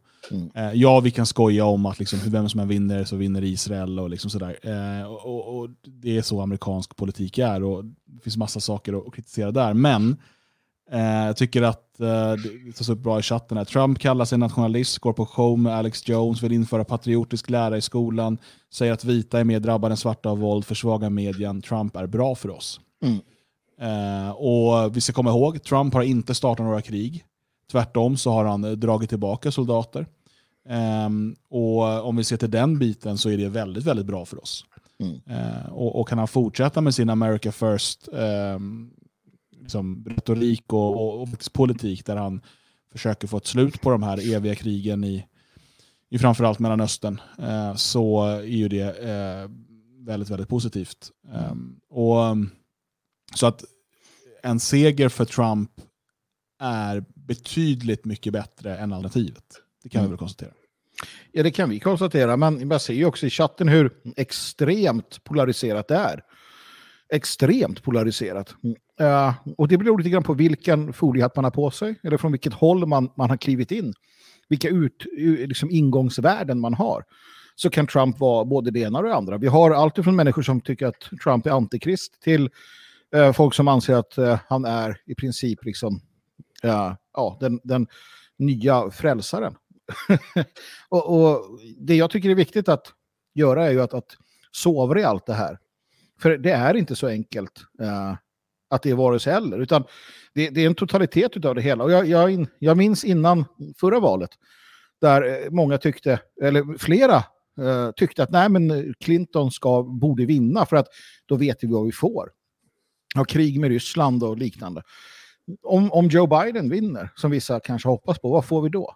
Uh, ja, är du, har du en, en religiös övertygelse där du på riktigt tror att det skulle utlösa någonting, ja men då har du diskvalificerat dig från, från hela den här diskussionen, för då är du färdig. Så då kan du bara sätta dig på sidlinjen. Vi som inte tror det, vi måste ju titta på vad är mest rimligt, vad, vad kan vi resonera kring? Joe Biden vinner, avgår efter sex månader. Han, han är ju dement, karln. Alltså enda orsaken till att, att han, han, han, han bärs ju nu fram sista biten. Han vet ju inte vad han säger. Bokstavligen. Ja. Bokstavligen, ja. Om han, så kommer Kamelen Harry ta över. Och, och, och hennes, hennes idéer är, liksom, vi var inne på det här med socialismen och, kommunismen, hon är ju sån. Hon är radikal, hon är progressiv som det kallas, vänster. Ehm, och det blir fritt blås för i princip då eh, Bernie Sanders-falangerna och, eh, Keisha Cortez och Ilan eh, Omar och, och hela det gänget. Eh, ja, eh, jag, jag ser hellre Trump fortfarande. Ja. Mm. Eh, vad, Björn, vad, vad tror du kan...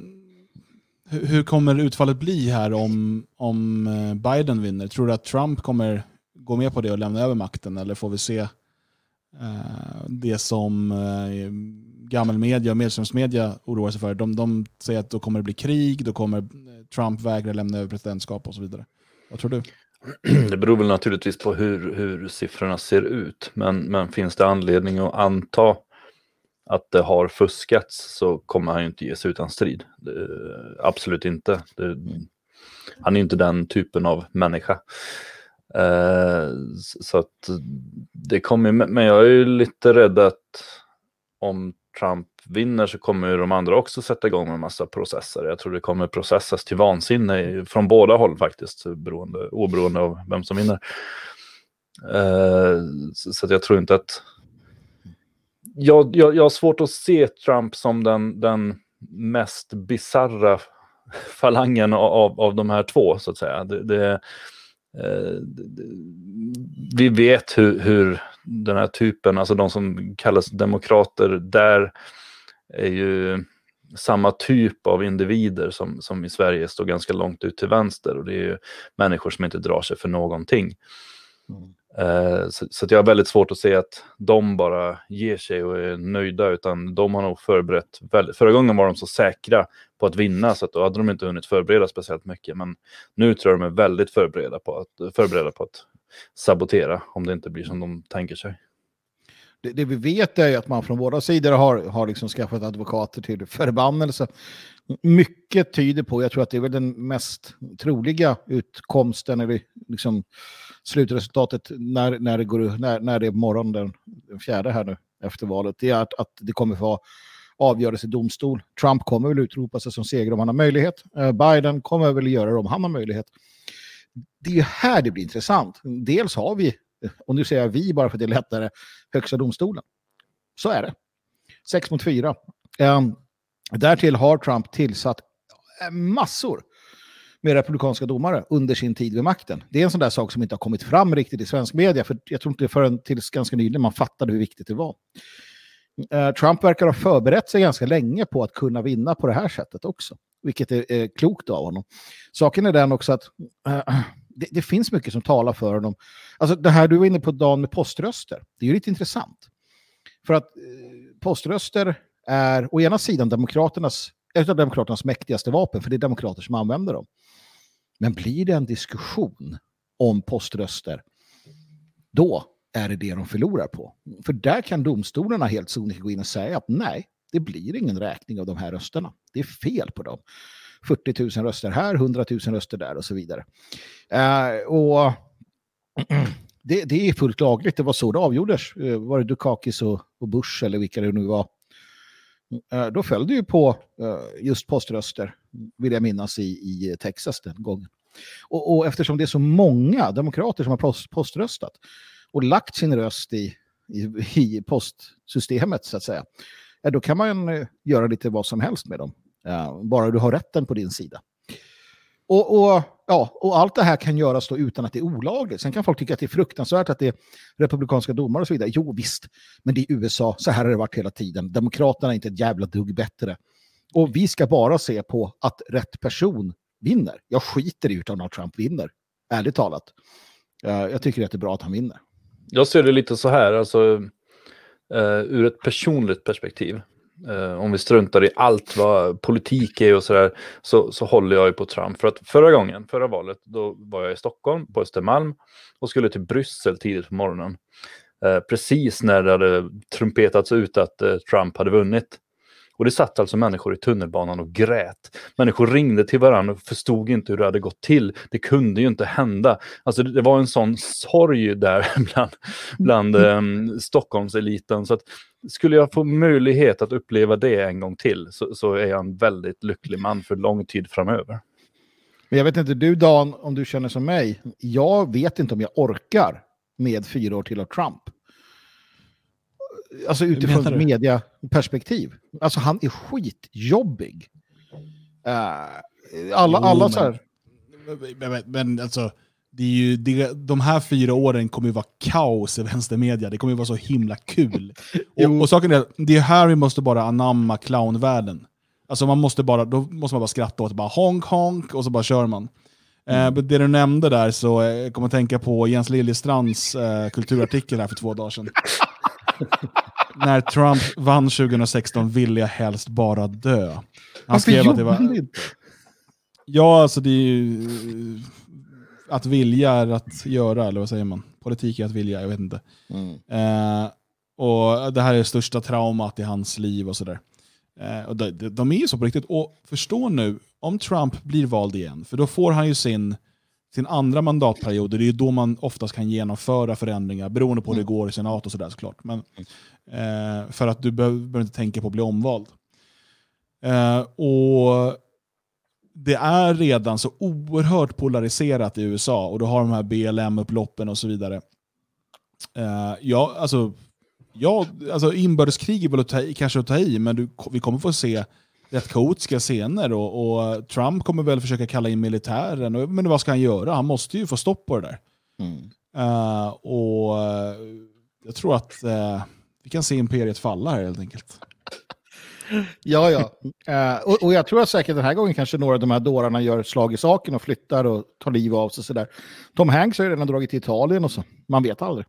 Men nej, jag tror att sku, skulle han få fyra år till, alldeles ute, ute så, så skulle det bli en, en, en, en fullständig kullkastning av den, den värld vi lever i. Fuku, vad hette han? Fukushima, Fukuyama, den liberala demokratins Mm. Eh, jag menar, där försvinner ju den eh, ner i toaletten eh, på...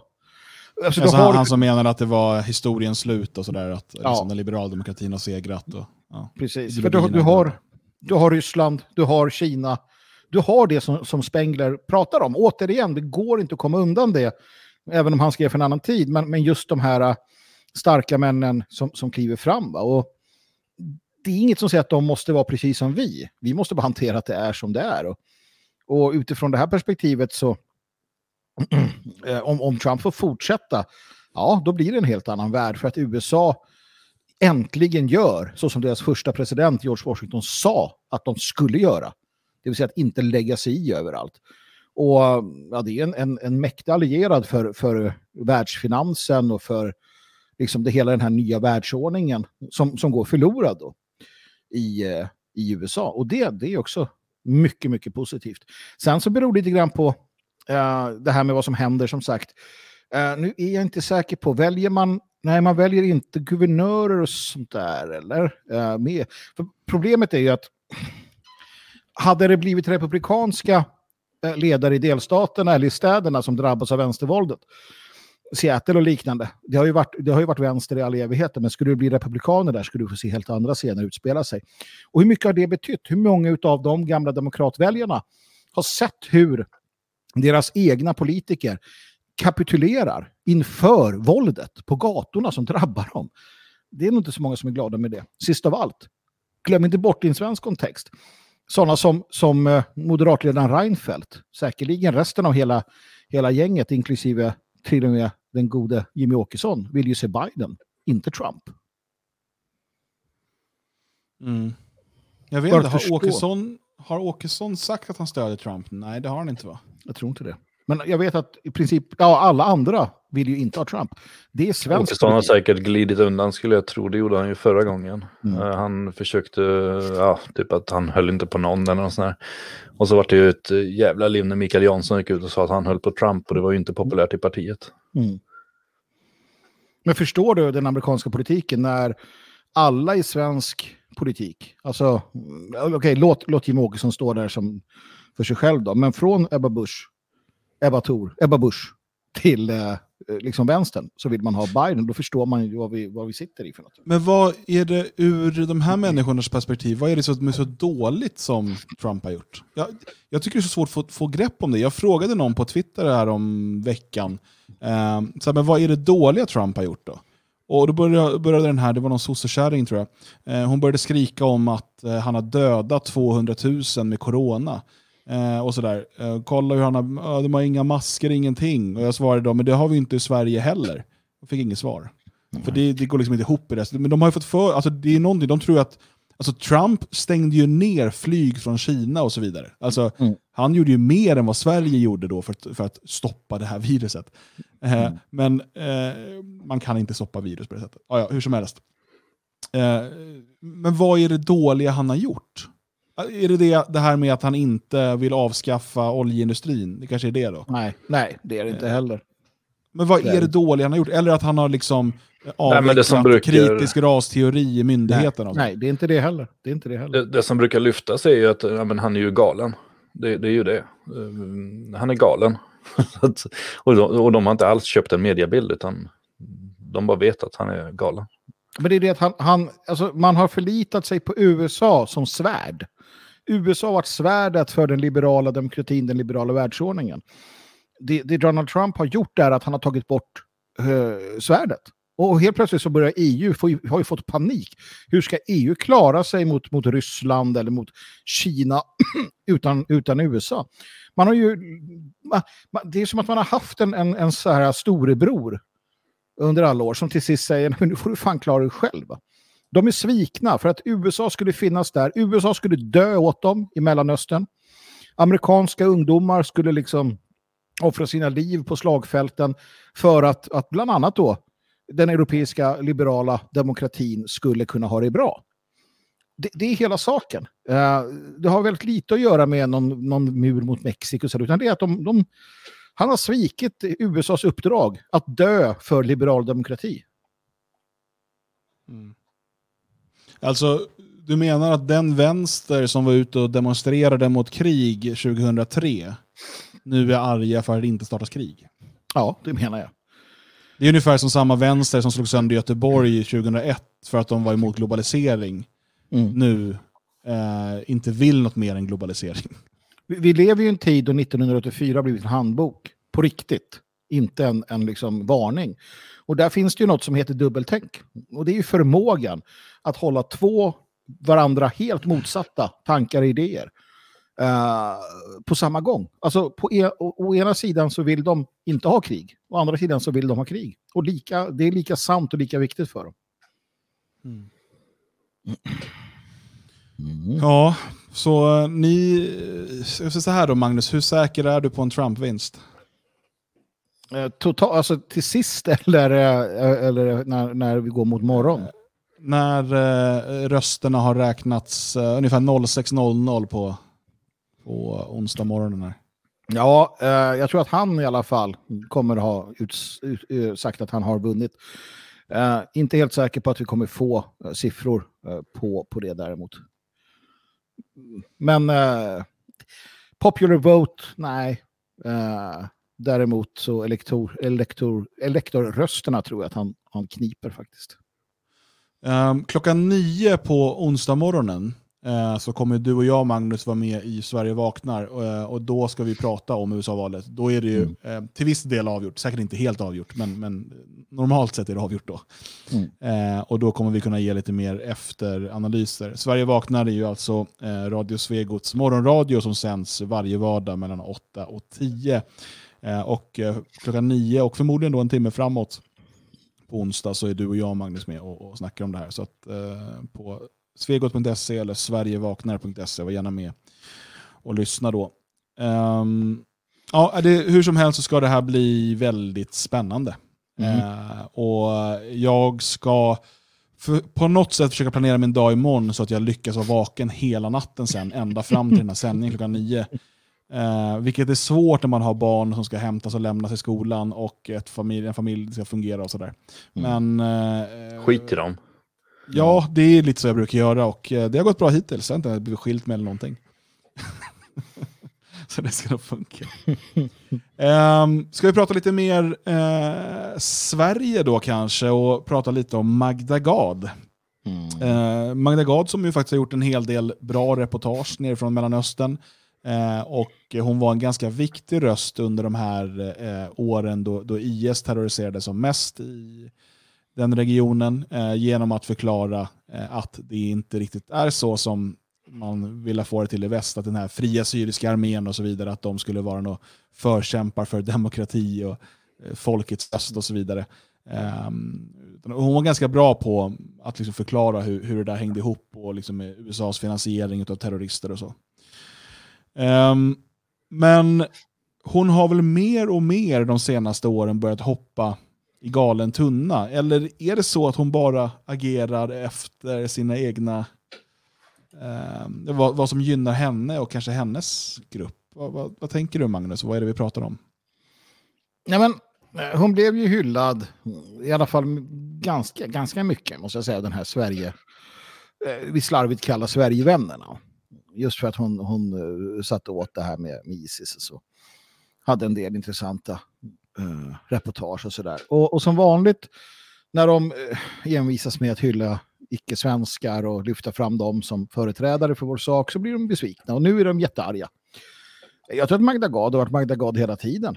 Um, hon är inte eh, oss, hon är inte vi. Och jag tycker det är tydligt att hon företräder, jag ska inte säga alla utlänningar, va, men en mentalitet Ehm, som för mig är helt logisk. För att det hon skriver om nu eh, på Twitter, det är angående de här, eh, angående de här terrordåden som har varit, eh, där då många i opinion, opinionskolumner skriver om det här med karikatyrer av profeten Muhammed och islam och yttrandefriheten och så vidare. Eh, och då säger hon det att det, det vi inte förstår, vilket hon har helt rätt i, det vi inte förstår, eller de här opinionsbildarna, är att, att de pratar eh, om yttrandefrihet i ett västerländskt perspektiv. I ett perspektiv eh, för och av vita europeiska västerlänningar.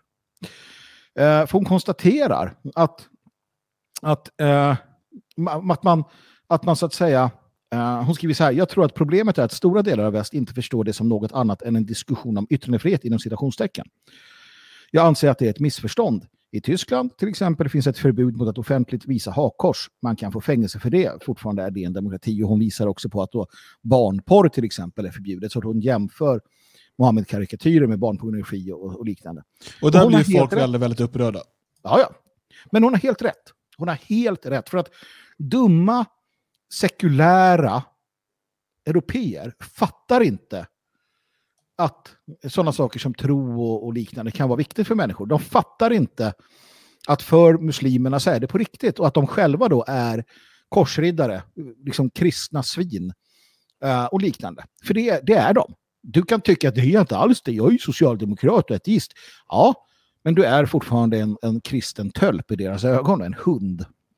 Uh, och, och hon har helt rätt i det hon säger. Jag förstår inte, det finns inget att bli arg över. Hon har helt rätt.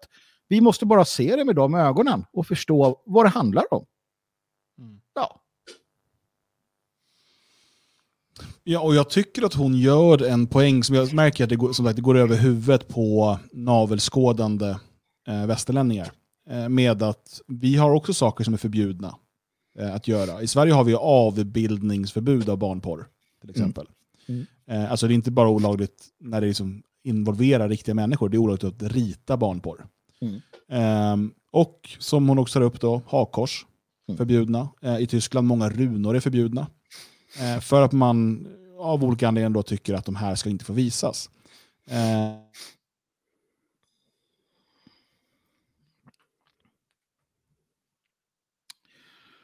Ja. Han kan nog komma tillbaka. Jag tror han fastnar i en jävligt bra tanke. Där är han. Ja. Ja, det, det hakade upp sig lite där. Nej, alltså, det är väldigt sällan de här människorna som tycker det är så viktigt att få visa karikatyrer på Mohammed också tycker det är viktigt att man ska få visa hakkors. Eh, vi har ju pratat om, om hyckleriet när folk nu åh vad bra Frankrike står upp för yttrandefriheten. Ja, det är ett av de minst yttrandefrihet i Västeuropa. Alltså det, det är, som förbjuder massa historisk forskning, som förbjuder organisationer på löpande band, som fängslar bokförläggare och så vidare.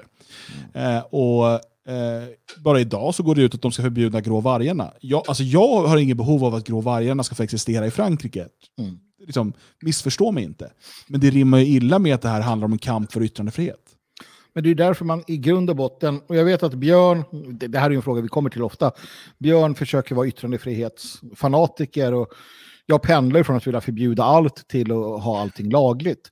Men någonstans så, så landar man mer och mer i detta att det här är Sverige. Här förbjuder vi det vi vill förbjuda. Till exempel så kanske vi förbjuder islam, judendom.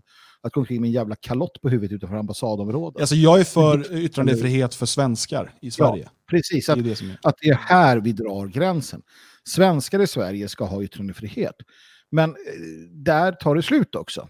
Och, och kommer vi överens om att vissa saker, till exempel att inte håna, eh, inte vet jag, svenska gamla kungar ska inte få hånas. Ja, då kommer vi överens om det. Och jävlar i mig, då är vi överens om det. Eh, Men det är en annan sak. Och nu kanske Björn tycker att det här var inte bra för han är yttrandefrihets eh. Jag vet inte. Jag bollar vidare. Vad är det du bollar vidare? Jag, Nej men, eh, är yttrandefrihet för alla? Magda Gad. Nej men, nej, men det är väl klart att yttrandefrihet bara ska gälla svenskar. Det, det, det är ju, där ligger ju grunden. Det det är ju precis som det borde kunna vara olika lagstiftning för svenskar och icke-svenskar. Alltså, som de, de gamla landskapslagarna, då var det ju eh, olika lagar för de som bodde där och så kom det någon jävla stockholmare till Västergötland och gällde andra lagar för, för, för honom där. Det är fullt rimligt, vettigt på alla sätt och vis. Eh, en muslim som blir upprörd över att man ritar en teckning ska ju uppenbarligen inte vara här. Men, men kanske framförallt av andra anledningar än, än just det.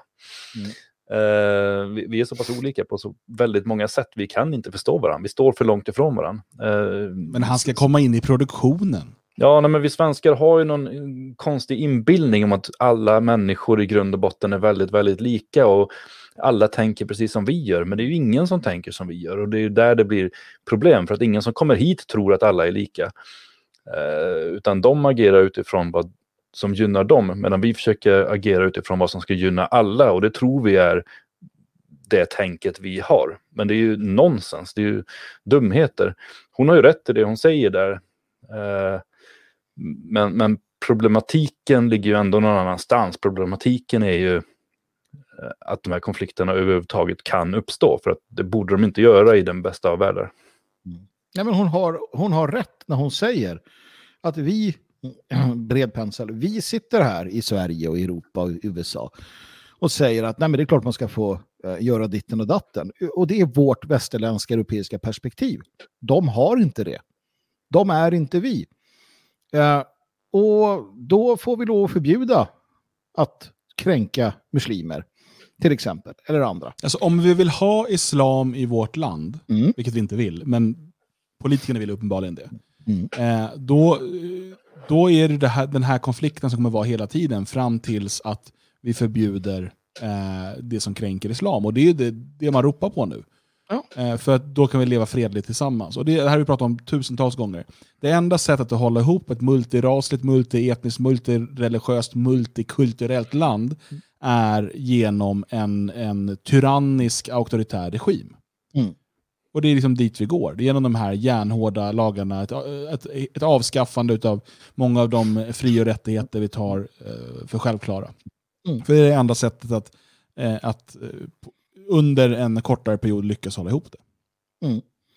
Och det är det hon säger också. Eller hon säger inte att hon ska göra det, då hon menar ju att det inte är hon som kan stifta lagar, men hon väcker i alla fall diskussioner. Och kan man förbjuda hakors, hakkors, vilket man har gjort i Tyskland, eller andra runor, förbjuder böcker, förbjuder att, att uh, förneka folkmordet på armenier i, i Frankrike. Det är så mycket förbud i Europa. så. Varför inte klämma in uh, islam? Jag menar utifrån då den liberala demokratins eh, demokratiska fundament om yttrandefrihet, det kan du ju pissa på. Det finns ju inte, det är ju bara nyckfullt. Det gäller bara att de är tillräckligt många och kan driva igenom det så får de det också. I demokratins namn så förbjuder man det naturligtvis. Ja, men titta på eh, Marian Kotleba eh, i Slovakien. Som alltså, här har vi en eh, kaffekopp från hans parti. Lite reklam. Ehm, som alltså fängslas nu i fyra år och eh, fyra månader för att ha delat ut en check med 1488 euro eh, till fattig, en fattig slovakisk familj. Eh, för att den siffran är förbjuden att avbilda i Slovakien. Mm. Det, är, det är västerländsk demokrati. Eller ja, Mm. centraleuropeisk i alla fall. Eh, men, men, så att det här med att förbjuda att teckna vissa saker eller visa vissa saker, det går, in, går inte i strid med den liberala demokrati som Macron, och Löfven och Merkel står för. Men visst, vi befinner oss ju i en situation i Sverige där, där Stefan Löfven pratar om att man ska förbjuda. Där det hela, det, hela liksom diskussionen nu går mot att förbjuda Uh, ja, senast var det väl eh, uh, SMR, inte att man skulle förbjuda dem precis så, men ändå, kanske lite grann, precis som i Finland, även om det inte hjälper så mycket, har vi sett från andra länder, bla bla bla bla bla bla. Men de förbuden haglar ju.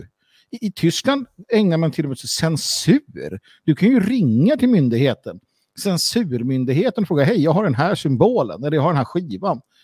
Eller innan du släpper en skiva så får du den godkänd av Ja. den demokratiska censurmyndigheten. Det är demokrati. Ni kan ta er demokrati och stoppa upp i, i, i ändalykten. För det är bara skitprat. Den- Demokranalen.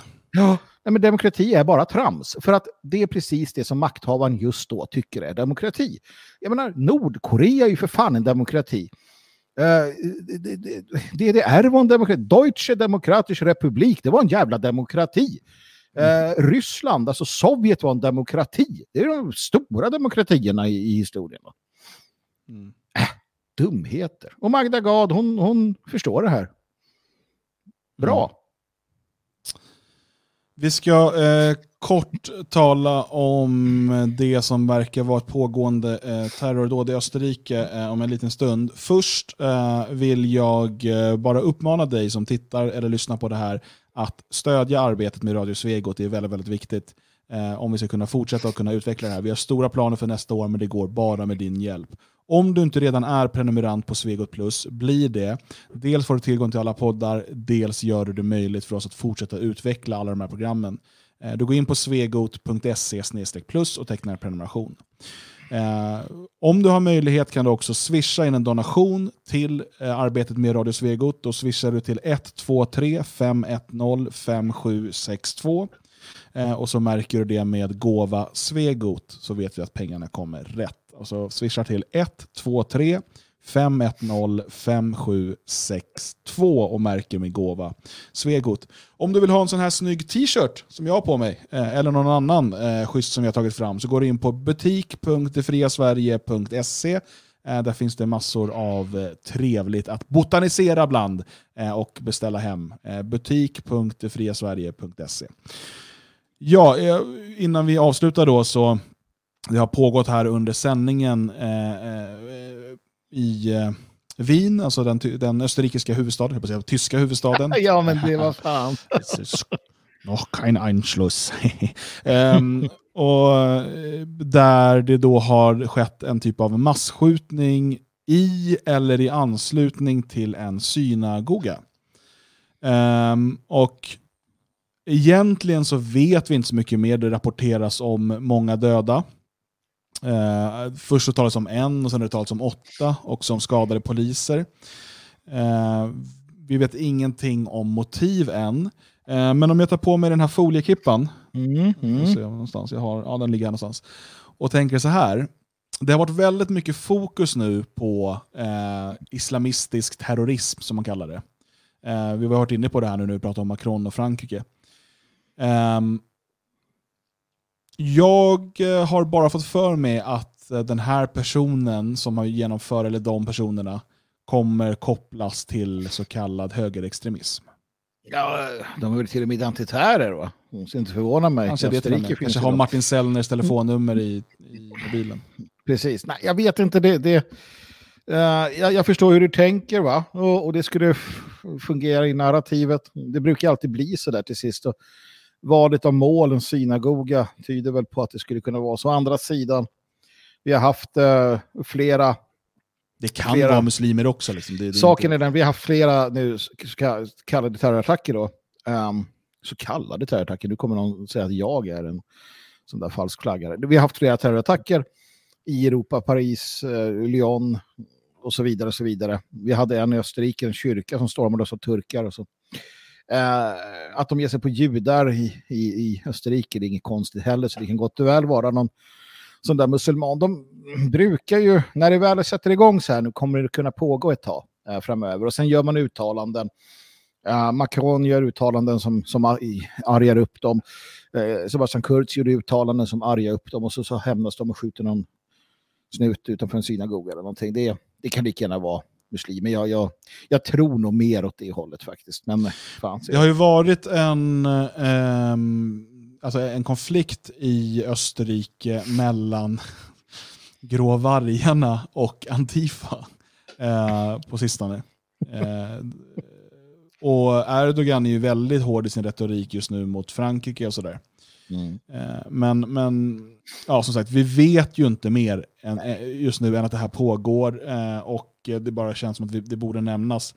Eh, och, och, och säkert har vi mer information imorgon. Eh, österrikisk media kommer inte lägga locket på ifall det är ropats några och Akbar eller så, men eh, och jag säger så här, om det visar sig ha kopplingar till så kallad högerextremism eller identitärer eller eh, nazister eller vad det nu skulle kallas, eh, då, då åker foliekippan på igen. Alltså. För då är det alldeles för bra timing så att säga. Mm. Det, det, det, det, det, går, det går inte ihop. Eh, nu vet vi inte om det är det, men jag slänger ut den varningen här nu och så får vi plocka upp den om en vecka när vi vet mer. Mm, jag tittar lite här på Mail Online som brukar vara snabba och berätta både det ena och det andra. skulle ha varit en, en, eh, en, en misstänkt eh, vap, alltså med, med skjutvapen och eh, självmordsbombning nära eller vid då, synagogen här. Självmordsbombning, då är vi nog mer inne på eh, profeten, Mm. Jag har en bild här, en man carrying an assault rifle, eh, bla bla bla. Han ser ju inte helt sådär tysk eh, eller österrikisk ut, kan man tycka. Men som sagt, de säger ingenting om Allahu Akbar, det brukar nog stå alltid mail online, liksom första sidan där. Så återstår väl att, att se, eh, se det. Men eh, som sagt, det är inget konstigt att det kommer mer sånt här, det kommer hålla på ett tag. Antagligen. Eh. Det pratas också nu om att det pågår någon gisslansituation på Hotell Hilton och så vidare. Men Mm. de flesta av er kommer lyssna eller titta på det här i efterhand, så att sitta och live-rapportera nu känns eh, kanske inte så givande. Eh, vi får se om vi får återkomma till det här av någon anledning, eh, om vi inte kan vänta till nästa måndag. Mm. Ehm, vi har en intensiv vecka framför oss. Det är alltså val till eh, amerikanska presidentskapet eh, imorgon natt. Eh, och jag och Magnus är med i Sverige vaknar på eh, onsdag klockan nio för att prata om detta. Då vi förmodligen har någon typ av resultat. Dessutom kommer ett nytt nummer av Nationalisten också på onsdag. Eh, Det gör det, det gör det. det skickas ut då natten, eller på torsdag morgon skickas det ut till Mm. prenumeranter. Ehm, så var, eh, var prenumerant, eller bli prenumerant om du inte redan Mm. är det. Eh, och som sagt, det finns ett erbjudande just nu att du kan prova tre nummer för 99 spänn. Eh, normalt sett kostar det 69 kronor per nummer, 69 kronor i månaden. Så du får oktober, november och december för 99 spänn. Eh, och det här erbjudandet finns bara tills ehm, natten mellan eh, tisdag och onsdag. Eh, så passa på att prova på den här tidskriften nu. Eh, den är helt klart värd din läsning. Jag vill också passa på att tacka Fredrik som var extra snabb här att swisha in en donation till Svegot eh, på vår uppmaning. Eh, vill du vara en lika bra man som Fredrik eh, så swishar du till 1235105762 och märker med gåva Svegot. Nu ska jag sluta tjata om det där och eh, önska alla en riktigt eh, trevlig kväll. Om inte ni mina herrar har någonting ni vill jättegärna tillägga innan vi slutar. Vi kan prata i all evighet, men eh, jag väljer att eh, hålla på eh, snacket. Bra. Eh, då kan vi börja ägna oss åt annat. Nu ska det jobbas med nationalisten, den ska bli klar. Så ha en riktigt trevlig kväll. Vi är tillbaka nästa måndag 20.00. Glöm inte följa oss på Telegram eh, så att du alltid får det senaste. Tack och godnatt.